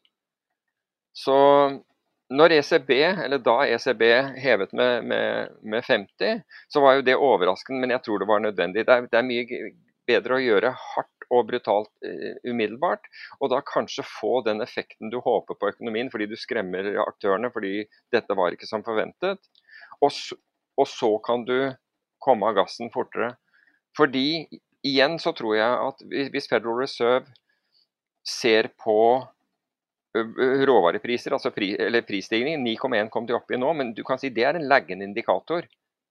Den har ikke tatt med seg uh, fallet i, i, energi. ikke sant? Altså Var oljeprisen ned ca. 10 dollar fra, fra, fra, toppen, hvis ikke mer. Um, og det, ja, altså crack, crackspreaden er jo masse ned. Ja, crackspreaden er masse Eh, crackspreaden er masse ned, det, det, det, er jo påslaget, ikke sant? og oljeprisene er, er ned. Og, og, det at crackspreaden er ned, det betyr at bensinprisene har gått ned. De, har gått ned forholdsvis mye mer. Men jeg tror altså det, det scenarioet som vi har trukket opp tidligere, det er jo at, eh, er, er jo at den ville stige raskt. Men, men, men, at vi er nær toppen, og det, det tror jeg vi, vi, er. altså 8,69 det er liksom der i, i, i dette området. Og at den vil falle. Men, jeg, men altså, Initielt så kan den nok falle brått rett og slett pga. de tingene vi akkurat har snakket om. Um, men så har du da press i økonomien gjennom arbeidsmarkedet, så, så liksom det kommer ned. Og så vil det nok være vedvarende litt, litt, høyere. Men vi får nå se. Altså, du, er det én ting vi har vi kan si med 100% sikkerhet, det er at sentralbanker er dårlige til å micromanage, eller manage i det hele tatt, inflasjon. Det Altså de, de, har alle instrumentene, de har alle virkemidlene, men de får, de får ikke til. De er alltid bak. De er alltid på etterskudd. Uh, så, så, jeg har ingen tillit til liksom, den der, De kan gjøre hva de vil, men altså 75 eller, eller hva, hva, som helst, men de er, de er, på etterskudd. Og det blir, og alle tiltakene deres er også på, på, på etterskudd, og sånn er det bare. Var det noe annet? Jo, eh, andre ting i, i uh, uken. Det var, var inter interessant fordi uh, Bank of America uh, kom ut med en, en, en analyse som, som, sier at alle er bearish, men ingen har solgt. Altså, nå, med, nå, tar de ikke med shortselgerne, nå tar de med real money, altså vanlige fond. slik at folk reduserer egentlig ikke. De, de er negative, men, men, du har ikke sett salg fra, i, i noe særlig grad fra real money. Jeg syns det høres litt merkelig ut i forhold til at cash-reservene er veldig høye i, eh, i, i, fondene. Og Når det gjelder short-posisjonene, så er de nær 2008-nivåer. Altså oktober 2008-nivåer. Så det er massivt med short-posisjoner. Um, du har sett reduksjon i, i margins altså i margin, eh, altså folk som, eh, som låner penger til å, å, kjøpe aksjer. Men den har ikke vært dramatisk. Den, den, eh, den reduksjonen altså i, den har vært mye uh, større på, på, på, ved, ved, tidligere tilfeller. Og Derfor så vet jeg ikke hvor viktig uh, den er nå. Altså Under dotcom så falt jo det med 55% Under finanskrisen falt den med 52 Og nå er den ned med 27 i forrige uke så gikk eh, andelen, altså short-andelen, de, de som spekulanter som er short, den ble bare redusert med 3,4% Så den er, fortsatt, den er egentlig fortsatt uh, høy. Så, men real money, de, uh, de, har, de har ifølge ifølge Bank of America egentlig ikke solgt. De, de sitter og er negative, men de har ikke solgt. Så hvordan vi helt skal, eh, skal tolke det, det, eh, det, vet jeg ikke. Men, eh, men, det var interessant det de sa, fordi det der med short-posisjonene altså Det var oktober i, i 2008 var, var liksom, da var short-posisjonen på, på, på, det verste. Men som de påpeker, det er, en, det, det er en tidlig indikator. Fordi det tok fem måneder og ytterligere 30% fall før, før det bundet ut. Så selv om det er ekstreme short-posisjoner, så, så, betyr ikke det at liksom, timingen nødvendigvis er god. I hvert fall ikke hvis vi baserer oss på den. Mer interessant var at det var ny rekord i, uh, i, i, uh, i handel med credit default swaps på 8,2 milliarder Unnskyld, 8,2 billioner dollar. billioner, altså i, i, norsk forstand, altså trillions i, i, i, CDS. Og dette er et marked Altså 8,2 trillion, så det er ikke en eneste norsk meglerhus som, som deltar i CDS-handelen. Så der, der, der, har det vært mye, mye penger å, å, tjene. Ja, det er ikke så veldig rart at det er mye CDS-handel når så mange nasjoner står og vakler. Man trenger forsikring? Nei, man trenger forsikring. Og, men, men uh, altså Sovereign CDS er, er jo lite marked i forhold til uh, selskaps, altså CDS på, på, på, selskapsobligasjoner. Men det er i hvert fall et veldig aktivt marked der i øyeblikket, og det er jo for så vidt bra. Jeg, jeg tar ikke det som noe, noe tegn, men det er, det, er, det er, i hvert fall det markedet har blitt veldig stort igjen. da. Og ellers i, i, i forrige uke så var det jo Statkraft-resultater, og Gunvor hadde også resultater. Og de var litt vidt forskjellige, vil jeg si. For Gunvor, altså det store commodity trading-firmaet Gun Gunvor, som da driver bl.a. med olje, og det gjør jo ikke Statkraft, må jeg si. men de, der var resultatet fire ganger eh, det det var, det det var i første halvår i, i, 2021. Så de hadde virkelig slått ballen ut av parken. Statkraft ikke så mye. Jeg tror Tyskland må ha de mest inkompetente politikerne i moderne tid. Det skulle man ikke tro. Bare for et år siden så ville ingen ha sagt det.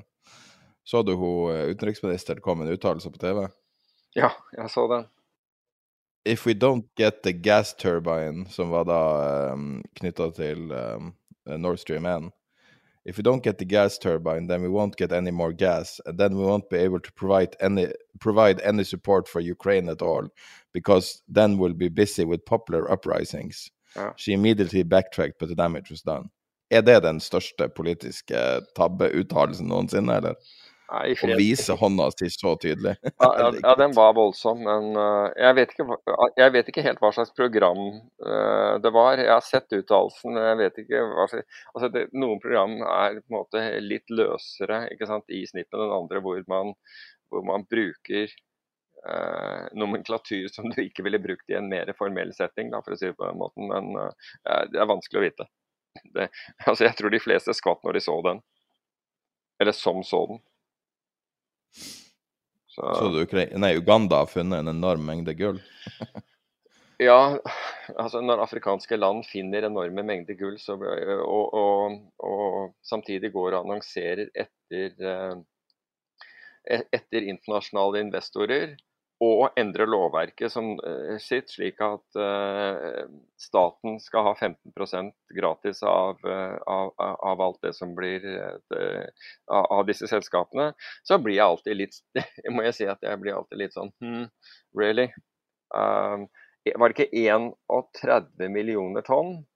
Og det blir til altså Når du da tar raffinert gull, så blir det litt over 300 000 tonn raffinert gull ut av det det er mange som graver gull i, gull i, um, i Afrika. Det er, ikke, det er, ikke, så mange som blir rike av det, annet enn disse afrikanske landene på lisenser og alt det de andre tingene de, de selger.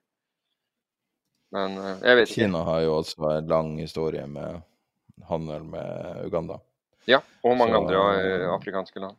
De har vært veldig flinke til å skaffe seg råvarer på den måten. Kina, altså. Nei, jeg så den.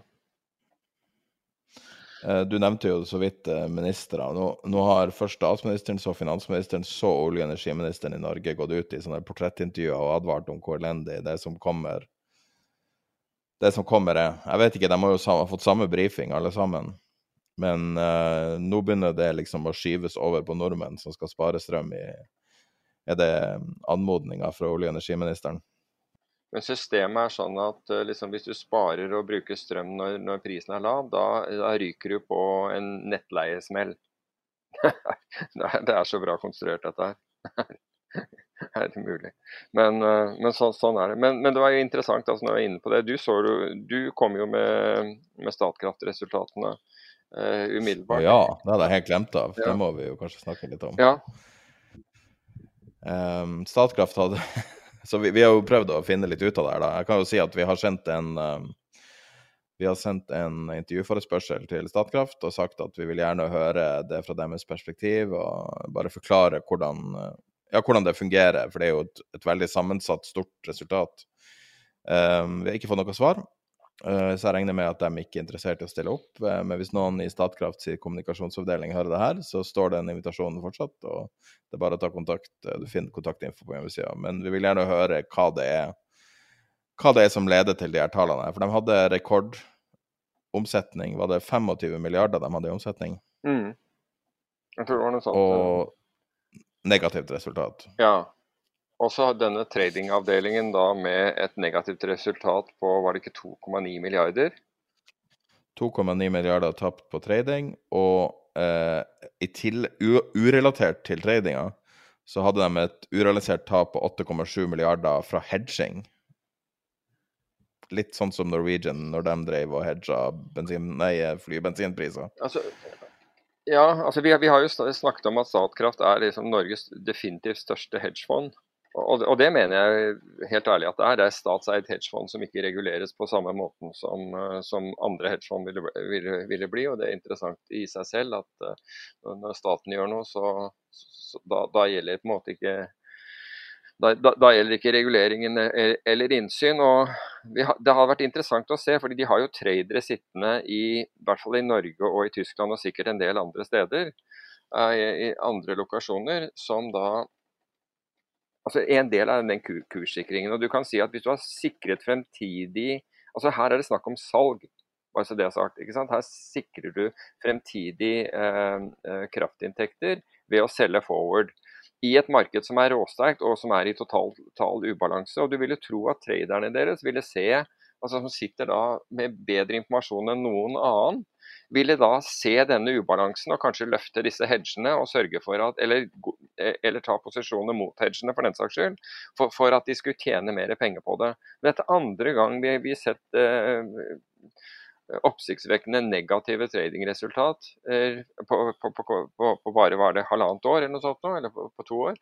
Eh, i eh, Statkraft. Jeg føler jo at Vi har forsøkt å pirke inn i det der for å få noe svar, men, men de er tyste om det. Men det hadde, jeg tror det, at det er i Statkrafts interesse at det norske folk vet eh, hvor, uh, hvor, hvordan disse resultatene, og spesielt når det er tap på, på, på 2,9 milliarder i trading, som angivelig noe av det skal være avhending av virksomheter, kan, kan være det. men men, men, litt mer detaljer rundt hvordan, hvordan dette her er. At, ikke, at, det ikke bare sitter en gjeng eh, spekulanter, altså folk, unge mennesker og spekulerer med denne kraften, som da får skyhøye bonuser når, eh, når, når det går bra.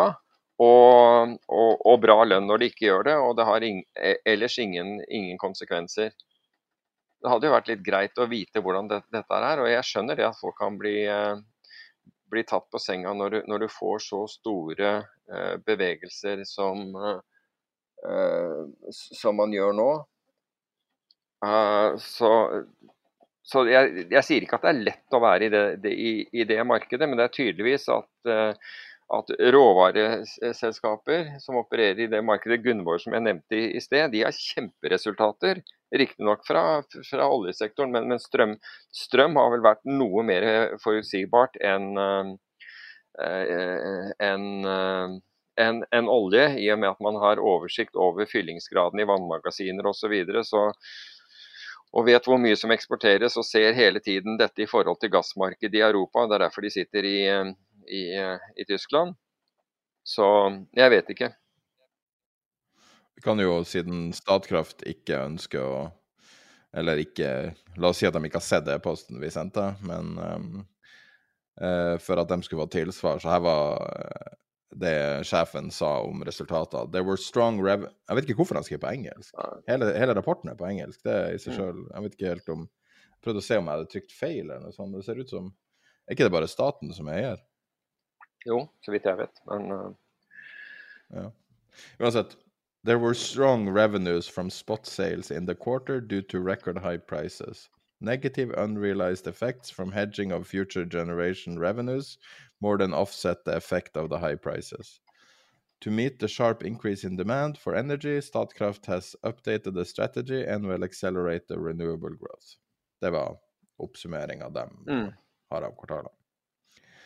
Så det betyr at de ble også tatt på senga av uh, hoppet i prisene? Altså, jeg skjønner at, at altså, gassprisene er jo, er jo ekstremt volatile. Uh, men jeg ville tro at de har noe mer uh, kontroll på sin egen på, på, på, strømmen allikevel.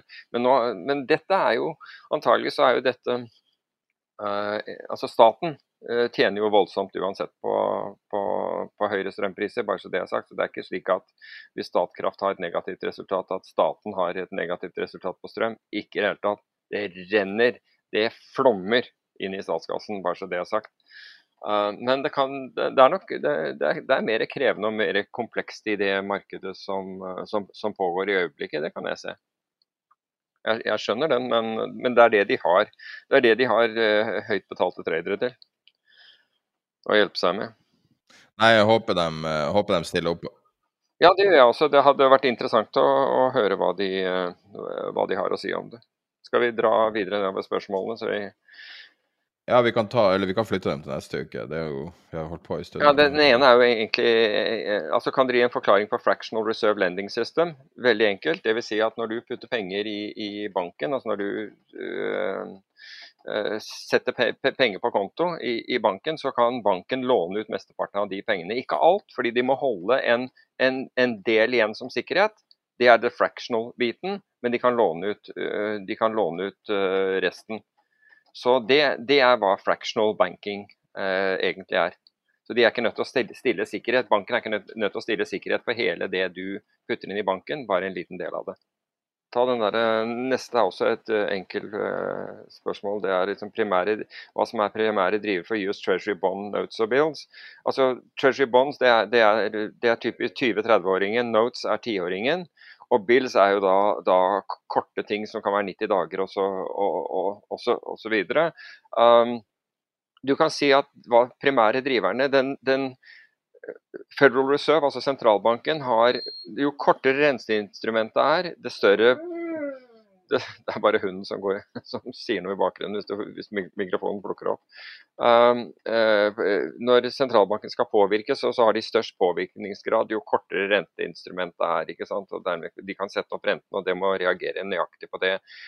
Under, under QE så har de jo uh, vært lenger ut på kurven, særlig i, i, i um, Treasury Notes, altså uh, tiåringen. Uh, så så der har man jobbet. Men i øyeblikket så, er, så, holder den på. altså Der er det mer tilbud og etterspørsel. Jo lenger du kommer ut på, på kurven, det mer er det økonomisk tilbud og etterspørsel som, som, regjerer. og Da er det jo typisk banker og forsikringsselskaper og, og store investorer som da har behov for, for, for avkastning, altså renteavkastning, som, som opererer. Så, så, der er mer de de primære driverne, bortsett fra i tilfeller som kue som da varte lenge, det må jeg jo si. Um, bortsett fra i sånne tilfeller, så, så er de de um, uh, så, så, er det markedet som er primær, primærdriveren der ute. Så når T-notes i øyeblikket, altså tiåringen i øyeblikket, har da en rente som er hvor, Jeg husker ikke hvor den er nå, en, mellom 2,75 og, og 3, jeg husker ikke akkurat, eller under 3. Men uh, nærmere 2,75 vil jeg tro, eller i, i det området. Så i et i en inflasjon som er på 9,1% så forteller den at, at, markedet tror ikke inflasjonen eh, vil vare, og forventer også en økonomisk eh, nedgang. Det behøver ikke å være en resesjon, men, men, du forventer, men du forventer Eller det kommer an på definisjonen av, eh, av, eh, av, av resesjon. Men du, du forventer da i hvert fall mindre, mindre vekst som følge av den høye inflasjonen osv. Hva er den letteste måten, letteste måten for uh, privatpersonen å bette mot det uh, norske markedet? Dette er jo en sånn vedvarende problemstilling i og med at vi ikke har um, et veldig aktivt opsjonsmarked i Oslo. Ja, altså det er altså I og med at det opsjonsmarkedet ikke er, er så Du må prøve å da få meglerhuset som du bruker. Altså Det er en som nevner Nordnett. Nordnett har, har ikke de, de, har norske opsjoner, men det, er, men det, er, ikke det norske opsjonsmarkedet. Det er et uh, opsjonsmarked laget av Nasdaq, som skal liksom skygge det norske opsjonsmarkedet, men som har da aktører som er egentlig mindre interessert i å stille priser i det norske markedet. og Dermed så, så, så får du dårlige priser på opsjonene. Dessverre. Det, det som det finnes da et Oslo Børs uh, eller nå heter det vel Euronext, opsjonsmarked. Men som Euronext, etter at de overtok Oslo Børs, på mange måter ikke har ivaretatt i noe særlig grad. De har ikke gjort noe, noe særlig med det, men det, det markedet fin, finnes. Men du har, problematikken er at de fleste meglerne ikke ønsker eh, småsparere, altså retail, som kunder på opsjoner, fordi de er redd for ansvaret eh, som følger med det. Så det beste du kan gjøre, er at er, hvis du har altså det er, det er jo to store i det norske markedet, i hvert fall for indeksopsjoner, og det er SEB og DNB.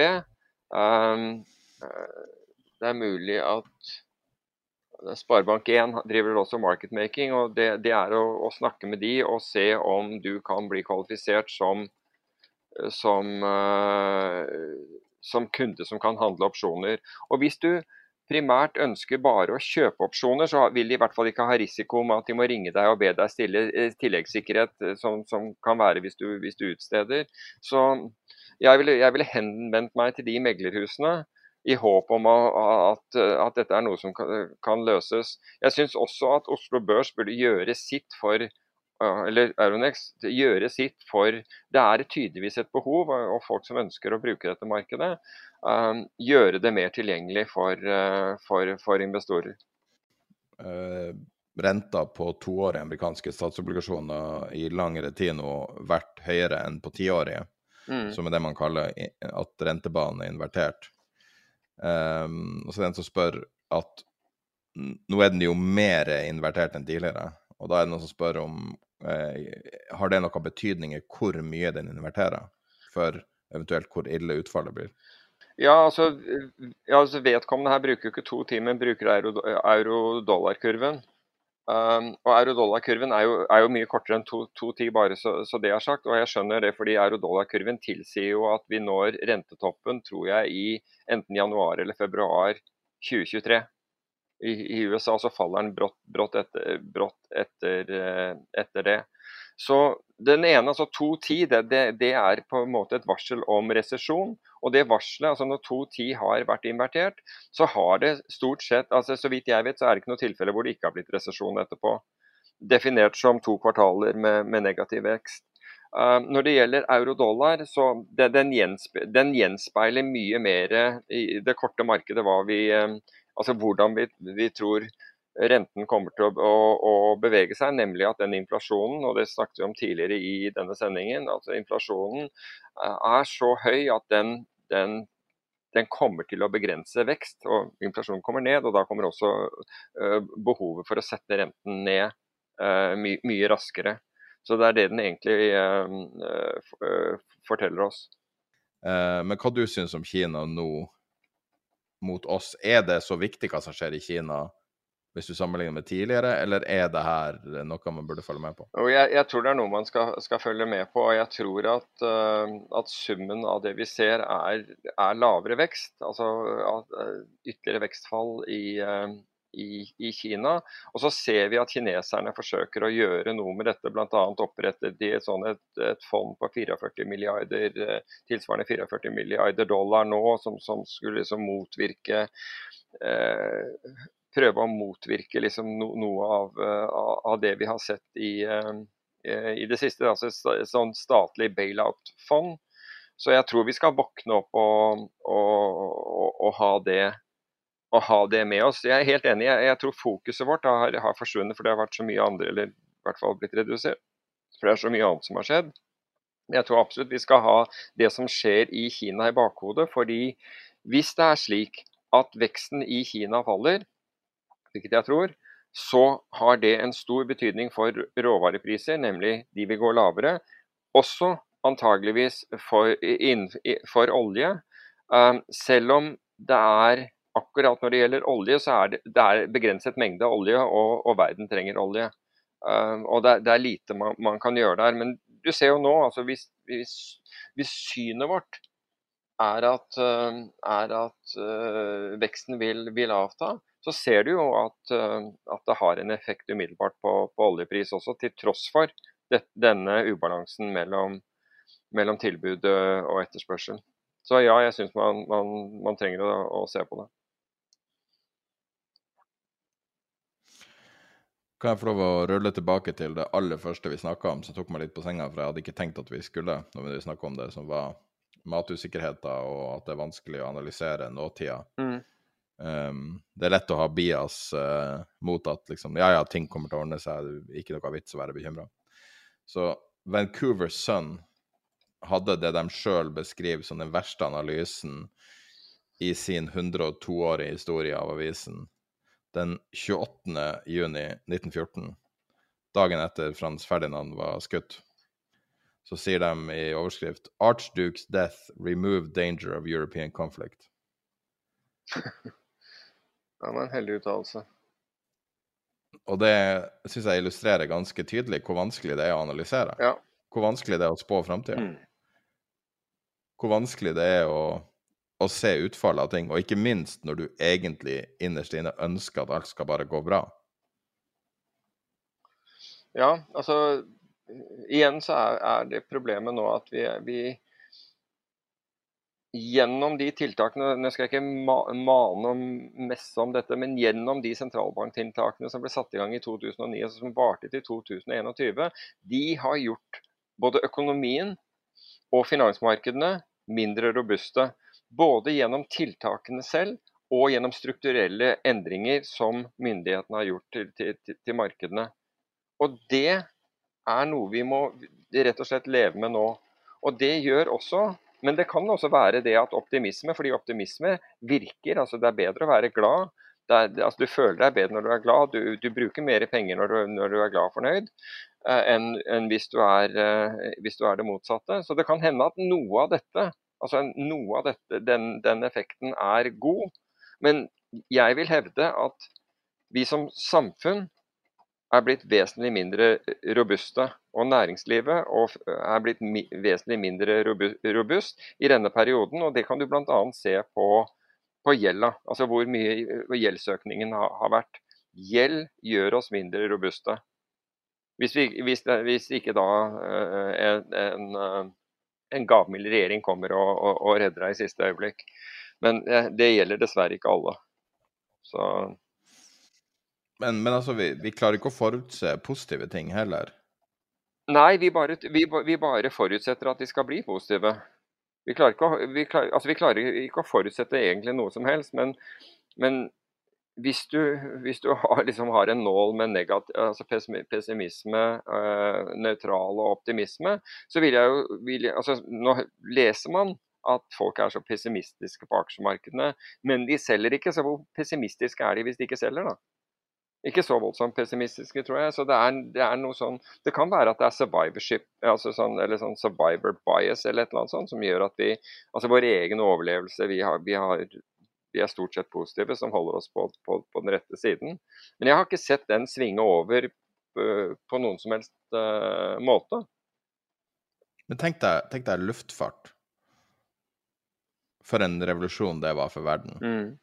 Og før det skjedde, så Eh, den 8. desember 1903 skrev New York Times at de tror det vil ta mellom 1 og 10 millioner år for at mennesker skal kunne fly.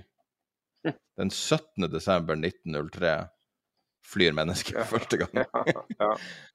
altså, hvordan vet vi hva framtida bringer? Ja, det er hvor modige eh, de, eh, de brødrene var, for å si det på den måten.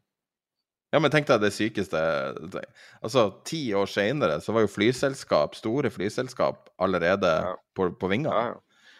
Og hvor mange år eh, 60 og noe år seinere, hva det blir 65-6 år seinere, så var mennesker på, på månen. Sånn at hvem vet hva framtida bringer? Og, og, det er jo alltid i dårlige tider at de beste investeringene skjer. Mm. sånn at um, jeg vil jo si at det er akkurat nå man skal um, det er nå man skal satse. Å satse i et sånn raving bull-marked, det er som regel det er ikke så mange store suksesser som kommer ut av et raving bull-marked. Nei, men Og jeg hadde et, et, sånt sitat, men jeg prøver å komme til det. Jo, altså eh, og det, hadde jeg tenkt å bruke som ukens sitat. When you're sick and tired of losing is when you learn how to win. Og det tror jeg på. Jeg tror virkelig på det, for jeg har, altså, jeg har merket det selv. Altså, noen ganger så har du perioder som er rett og slett dårlige, og du får det ikke til og hele greia. Så blir du sick and tired av, av å tape, og så begynner du virkelig å finne, tenke på hva er det jeg skal gjøre for, for å vinne igjen. Hva er, det, hva er, det, jeg trenger å gjøre? Jeg må tydeligvis forandre meg. Jeg kan ikke fortsette å gjøre ting som, som jeg taper penger på. Jeg må modifisere dette. her. Altså, litt i den desperasjonssaken, den får oss frem. Problemet er at vi har ikke nådd den, den fasen av desperasjon hvor du er sick and tired of losing. Noen har det, men de aller fleste har ikke det. Og Derfor så opplever de aller fleste ikke, ikke dette. Og, og jeg, jeg, jeg, tror som du sier, altså det kommer fantastiske ting ut av det. Men det kommer fantastiske ting først når vi, når vi tvinges til å, å, å opptre på den måten. Har vi det for bra, så, så, så, så gjør vi ikke de endringene som skal til. Hvorfor skulle vi gjøre det? Altså Se på fjoråret og se på disse Euronex Growth-selskapene. og vanvittig, altså Folk visste jo veldig, altså Meglerhuset alle visste jo at det var ekstrem høy prising. Det var pumpet ut, det var bedre å få det ut fordi du skal ha kortsiktige inntekter der og da. Og nå ser du inntektsfallet fra det, men, men vi fikk inn penga i, i, fjor, og bonusene ble utbetalt i fjor, så vi bryr oss egentlig døyten om, om, det. Altså Det er en sånn kortsiktig greie, og de aller fleste har ikke vært har ikke vært på bånn. Altså. De har ikke vært så langt nede at de er nødt til å endre seg. For det er det det handler om. Du er nødt til å endre deg. Du er nødt til å finne en ny måte å gjøre ting på. For så var det Einstein som sa at hvis du, hvis du gjentar det samme om og om igjen og forventer et, og forventer nytt resultat, det er, det, er, det er, definisjonen av galskap. Så du må komme over den der hvor du, hvor du insisterer på å gjøre det samme om og om igjen, men faktisk tenker nytt da, da skjer det ting i verden. Da, da, send, da sender, vi en sender vi bemannet uh, rakett som faktisk lander på månen. Får, det, er, det, er, da sånne ting skapes, etter min, min oppfatning. Tenk, deg hvis, eh, tenk, deg hvis, noen har et gjennombrudd med noe sånn energirelatert, som thorium, eller mm. noe som alle har avskrevet. Tenk deg hvis det kommer nå. Ja. Men vi verner fortsatt om. altså Ta Credit Suisse med alt det der som de har gjort. Ta de andre banker som liksom betaler milliarder i, i, bøter, men de får fortsette å drive. KPMG nå fikk en bot på ca. 150 millioner kroner. Og, og, de hadde forsøkt, og de hadde jo willfully lurt myndigheter og, og, og regulatoriske myndigheter. Og det, det innrømmer de, men, og at var galt. Men alle slipper unna. Alle slipper unna av de store. Du tar bare de små, de store får fortsette. Da får du ikke endringer. Du får ikke, du får ikke monumentale endringer hvis eh, de som har makta, bare får lov å fortsette. Du må røske opp i dette her for at det, at det skal uh, skje noe. SEC røsker jo i hvert fall opp i DWAC, altså de, de, de, de, eh, Spacken til Donald Trump den er nå under etterforskning. Og Trump og noen andre skyndte seg å, å trekke seg fra styret. Så det er, det er, tydelig at Gary Gensler han, eh, han gjør noe ut av, ut av, situasjonen. Vi har en uh, Jeg liker litt uh, snu til noe positivt, for nå har vi jo vært bearish som bare det. Eller jeg har vært bearish som bare det siste uken. Det var en som sa at han ble uvel av å høre på forrige episode når jeg var raljerte om elendighet. Så jeg beklager det. ja, men, men jeg, jeg har noe positivt, jeg. Ja, altså Hvis du ser på hedgefondresultatene til altså, eh, nå i, i, eh, i, juni For det første, altså det er riktignok negativt resultat hittil i år, altså, så er Norge den beste av, av, de, nordiske, av de nordiske markedene. Altså Gjennomsnittshedgefondet i Norge er ned 2,86% mens, mens i Finland, som er, uh, unnskyld, Danmark som er verstingen, er det ned 12,17 så, så, bra gjort Norge. altså Nå har en del av disse flere fond enn Norge, men jeg tror det er ca. 22 fond i Norge, og ti av dem har levert positive resultater.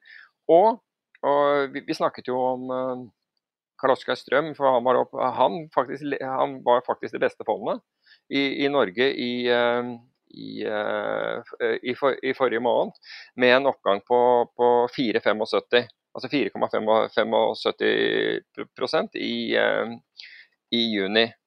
Så, så, så, noe var bra. Og så dessverre så var det der makrofondet som vi snakket om, det tapte 21% til, eller var det 27 Husker ikke. 21 eller, 7, eh, eller 27% til i, eh, i juni. Dette Nord Makro aner ikke, fortsatt aner ikke helt hva hva de, hva, hva de driver med. For, for de gjennomsnittet av makrofond i år er opp, er opp 13% så de har nok hatt en, hatt en, litt tung periode. En annen som har hatt en tung periode, og du kan nesten lure på om de har gått på en, en black swan, er dette norsk-svenske hedgefondet Nordkinn. Uh, og Der har du folk fra NBIM og Norges Bank som jobber der, og alt mulig sånn. Men, uh, men de, altså dette er et fond som i, i fondets levetid, og det har vel eksistert i fem-seks år, de fikk inn enormt med kapital. Helt enormt med kapital. Uh, jeg tror de hadde de noe sånt som 13 milliarder eller et eller annet sånt på, på, på toppen. De, leverte, de har levert i årlige resultatet, altså årlig avkastning, har vært litt over 1% og det til tross så fikk de inn all denne, denne kapitalen, fordi det gikk jevnt og, og det, var, det, var, så jevnt og det, at mange så det som et alternativ, i hvert fall svenskene, så det som et alternativ til negative renter i Sverige.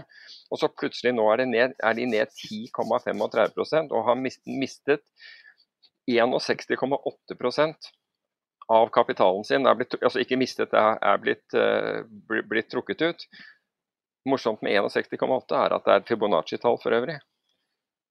Uh, men, men, det, men, det, må være ren, ren tilfeldighet i, det, i, i, i, dette momentet. Men uh, der, det må jo være altså, Hvis du har jevn, jevn, jevn, jevn, jevn, jevn avkastning, du ser ut som en bankkonto, og så voff, så, så, så, tyder jo liksom at du har blitt truffet av en, eh, en black swan. Lynx, som er, er, det beste fondet i år i, i, Norden, det svenske Lynx som kommer inn under Brummer, som er en sånn commodity trading advisor, altså trendfølgende fond, rent algoritmisk trendfølgende fond, de er opp 36% Proxy P, som vi har snakket om uh, tidligere, som da uh, er long short innenfor fornybare, fornybare virksomheter, er opp 22 mens et, eh, et eh, fond som heter Aksjendo er ned, eh, har den verste utviklingen, som er ned 29% på året. Men alt i alt så har jo, vil jeg jo si at liksom disse hedgefondene har, de, har klart å levere, med, med, med noen unntak. da. Um, jeg skulle si noe annet bullish. Kom igjen. Så for 15 år siden, og en måned ca., så uh, kom den første iPhonen på markedet. Og uh, da husker jeg, for jeg jobba med teknologi da, så jeg husker jeg var oppi det. Og jeg, så jeg hadde tatt veldig mye på den fram til da high-tech-tingen, og overgangen var jo helt enormt, som, som alle vet. Og går det an å kvantifisere hvor mye iPhone har vært verdt for verden? Tenk deg nå alle selskapene som er skapt pga. iPhone direkte pga. iPhone, og da også selvfølgelig Android og alt sammen. Uh, det er nesten vanskelig å kvantifisere hvor mye BNP-effekt iPhone har hatt. Jeg vet ikke om det, om det er mulig engang. Tenk deg Uber og Lyft og alle de der, og, og alle mulige derivatene som kommer som en direkte konsekvens av iPhone. Mm. Det er jo helt uforståelig. Uh, og for et selskap som Apple, da, så er det store problemet er jo liksom altså uh, Ikke innovators dilemma, men litt sånn å være på toppens dilemma, er jo at når du blir så stor, så må du ha noe som er så utrolig svært hvis det skal være verdt å gjøre. Det er ikke verdt å drive med noe smått for oljefondet, det er ikke verdt å drive noe smått for Apple. Du må være store ting for at det skal virkelig være verdt det. Mm. Og eh, nå i juni kom det nye rykter om det mye forhåndsomtalte Apple Glass, som er deres potensielt nye interface, som kan da um, Mange futurister mener at det kan være det neste steget for mobiltelefonen. At man rett og slett legger fra seg mobiltelefonen og har den på øynene hele tida. Og får et digitalt uh, på måte, lag på verden. Et permanent digitalt lag på verden. Og hvis man tenker på ting som kan være som et fly eller eller uh, at man plutselig alle går rundt og bærer på en mobiltelefon som er like kraftig som en datamaskin osv. Så, videre. mm. så vil jeg tro at å få et digitalt, permanent lag på verden Det er nesten vanskelig å forestille seg hva det kan føre til. Ja.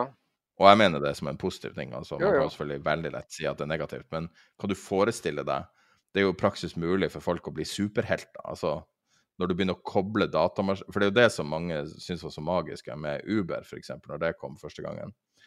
Så er det jo det at du trykker på mobiltelefonen din, og så skjer det noe i den virkelige verden. Mm. Den følelsen er jo helt surrealistisk. sant? Det er jo ikke som du har en fjernkontroll på mobilen som tilkaller seg en, en Mercedes S-klasse. Det er jo det jo helt syk følelse første gang du gjør noe sånn. Uh, og hvis man skal tenke bullish, noe som kan snu opp ned på alt, som er litt sånn motvekt til forrige episode og denne episodens negative syn på, på realøkonomien som er nå, eller realpolitikken som er nå, Mm. så vil jeg si at det er en kandidat som kan være som flyet.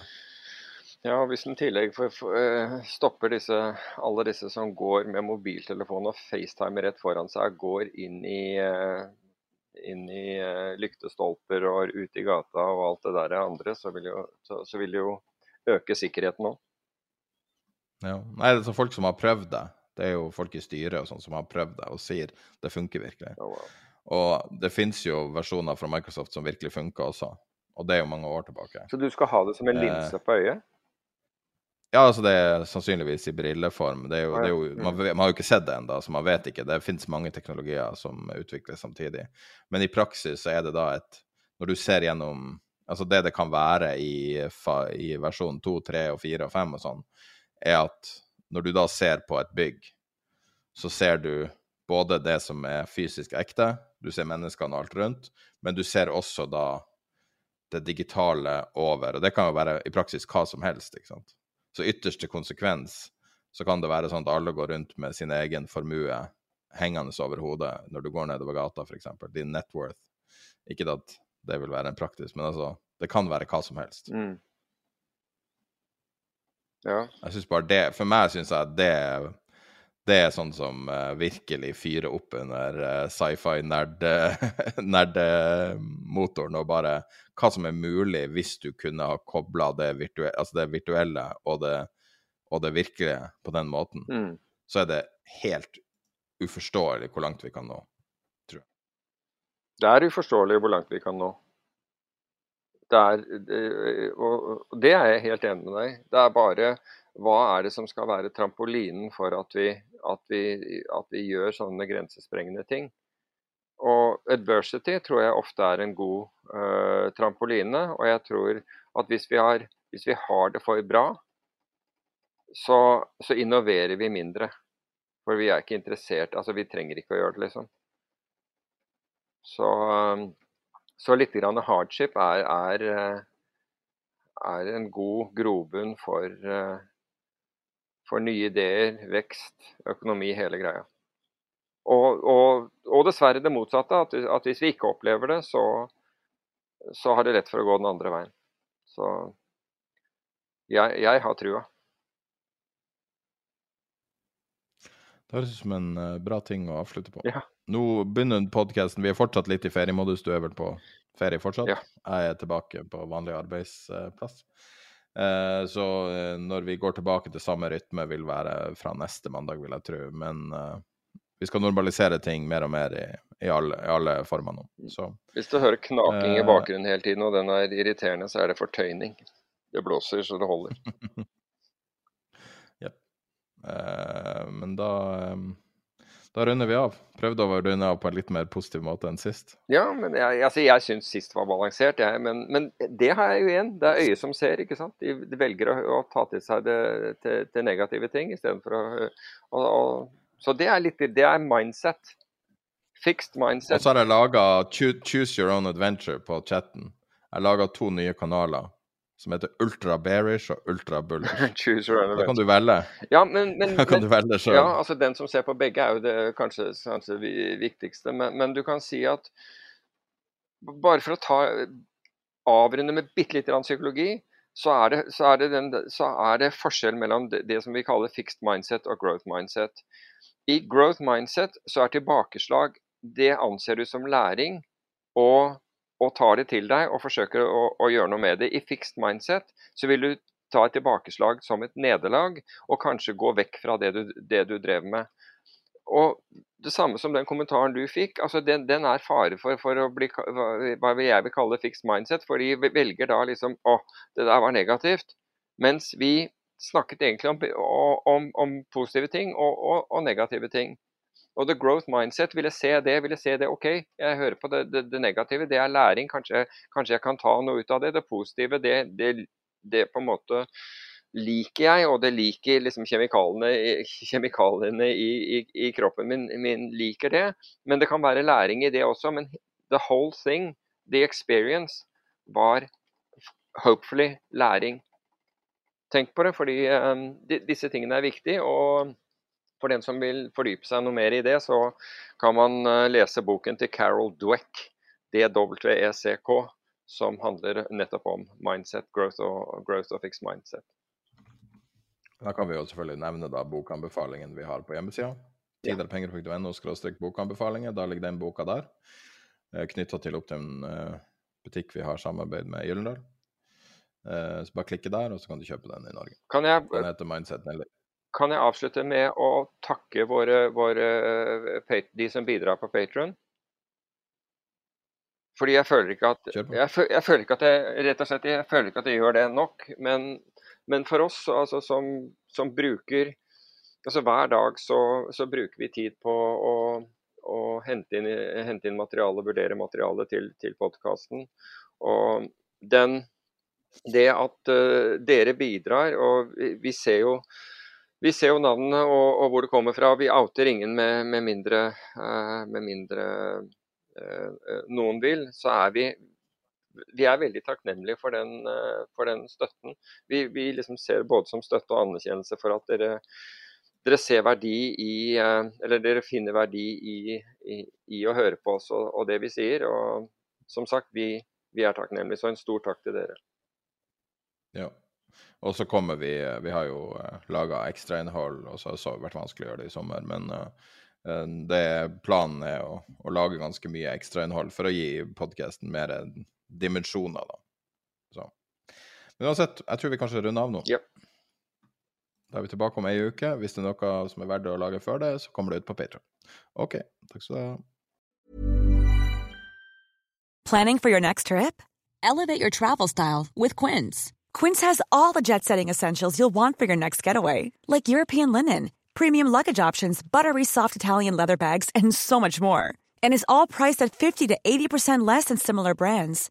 Plus, Quince only works with factories that use safe and ethical manufacturing practices. Pack your bags with high-quality essentials you'll be wearing for vacations to come with Quince. Go to quince.com/pack for free shipping and 365-day returns.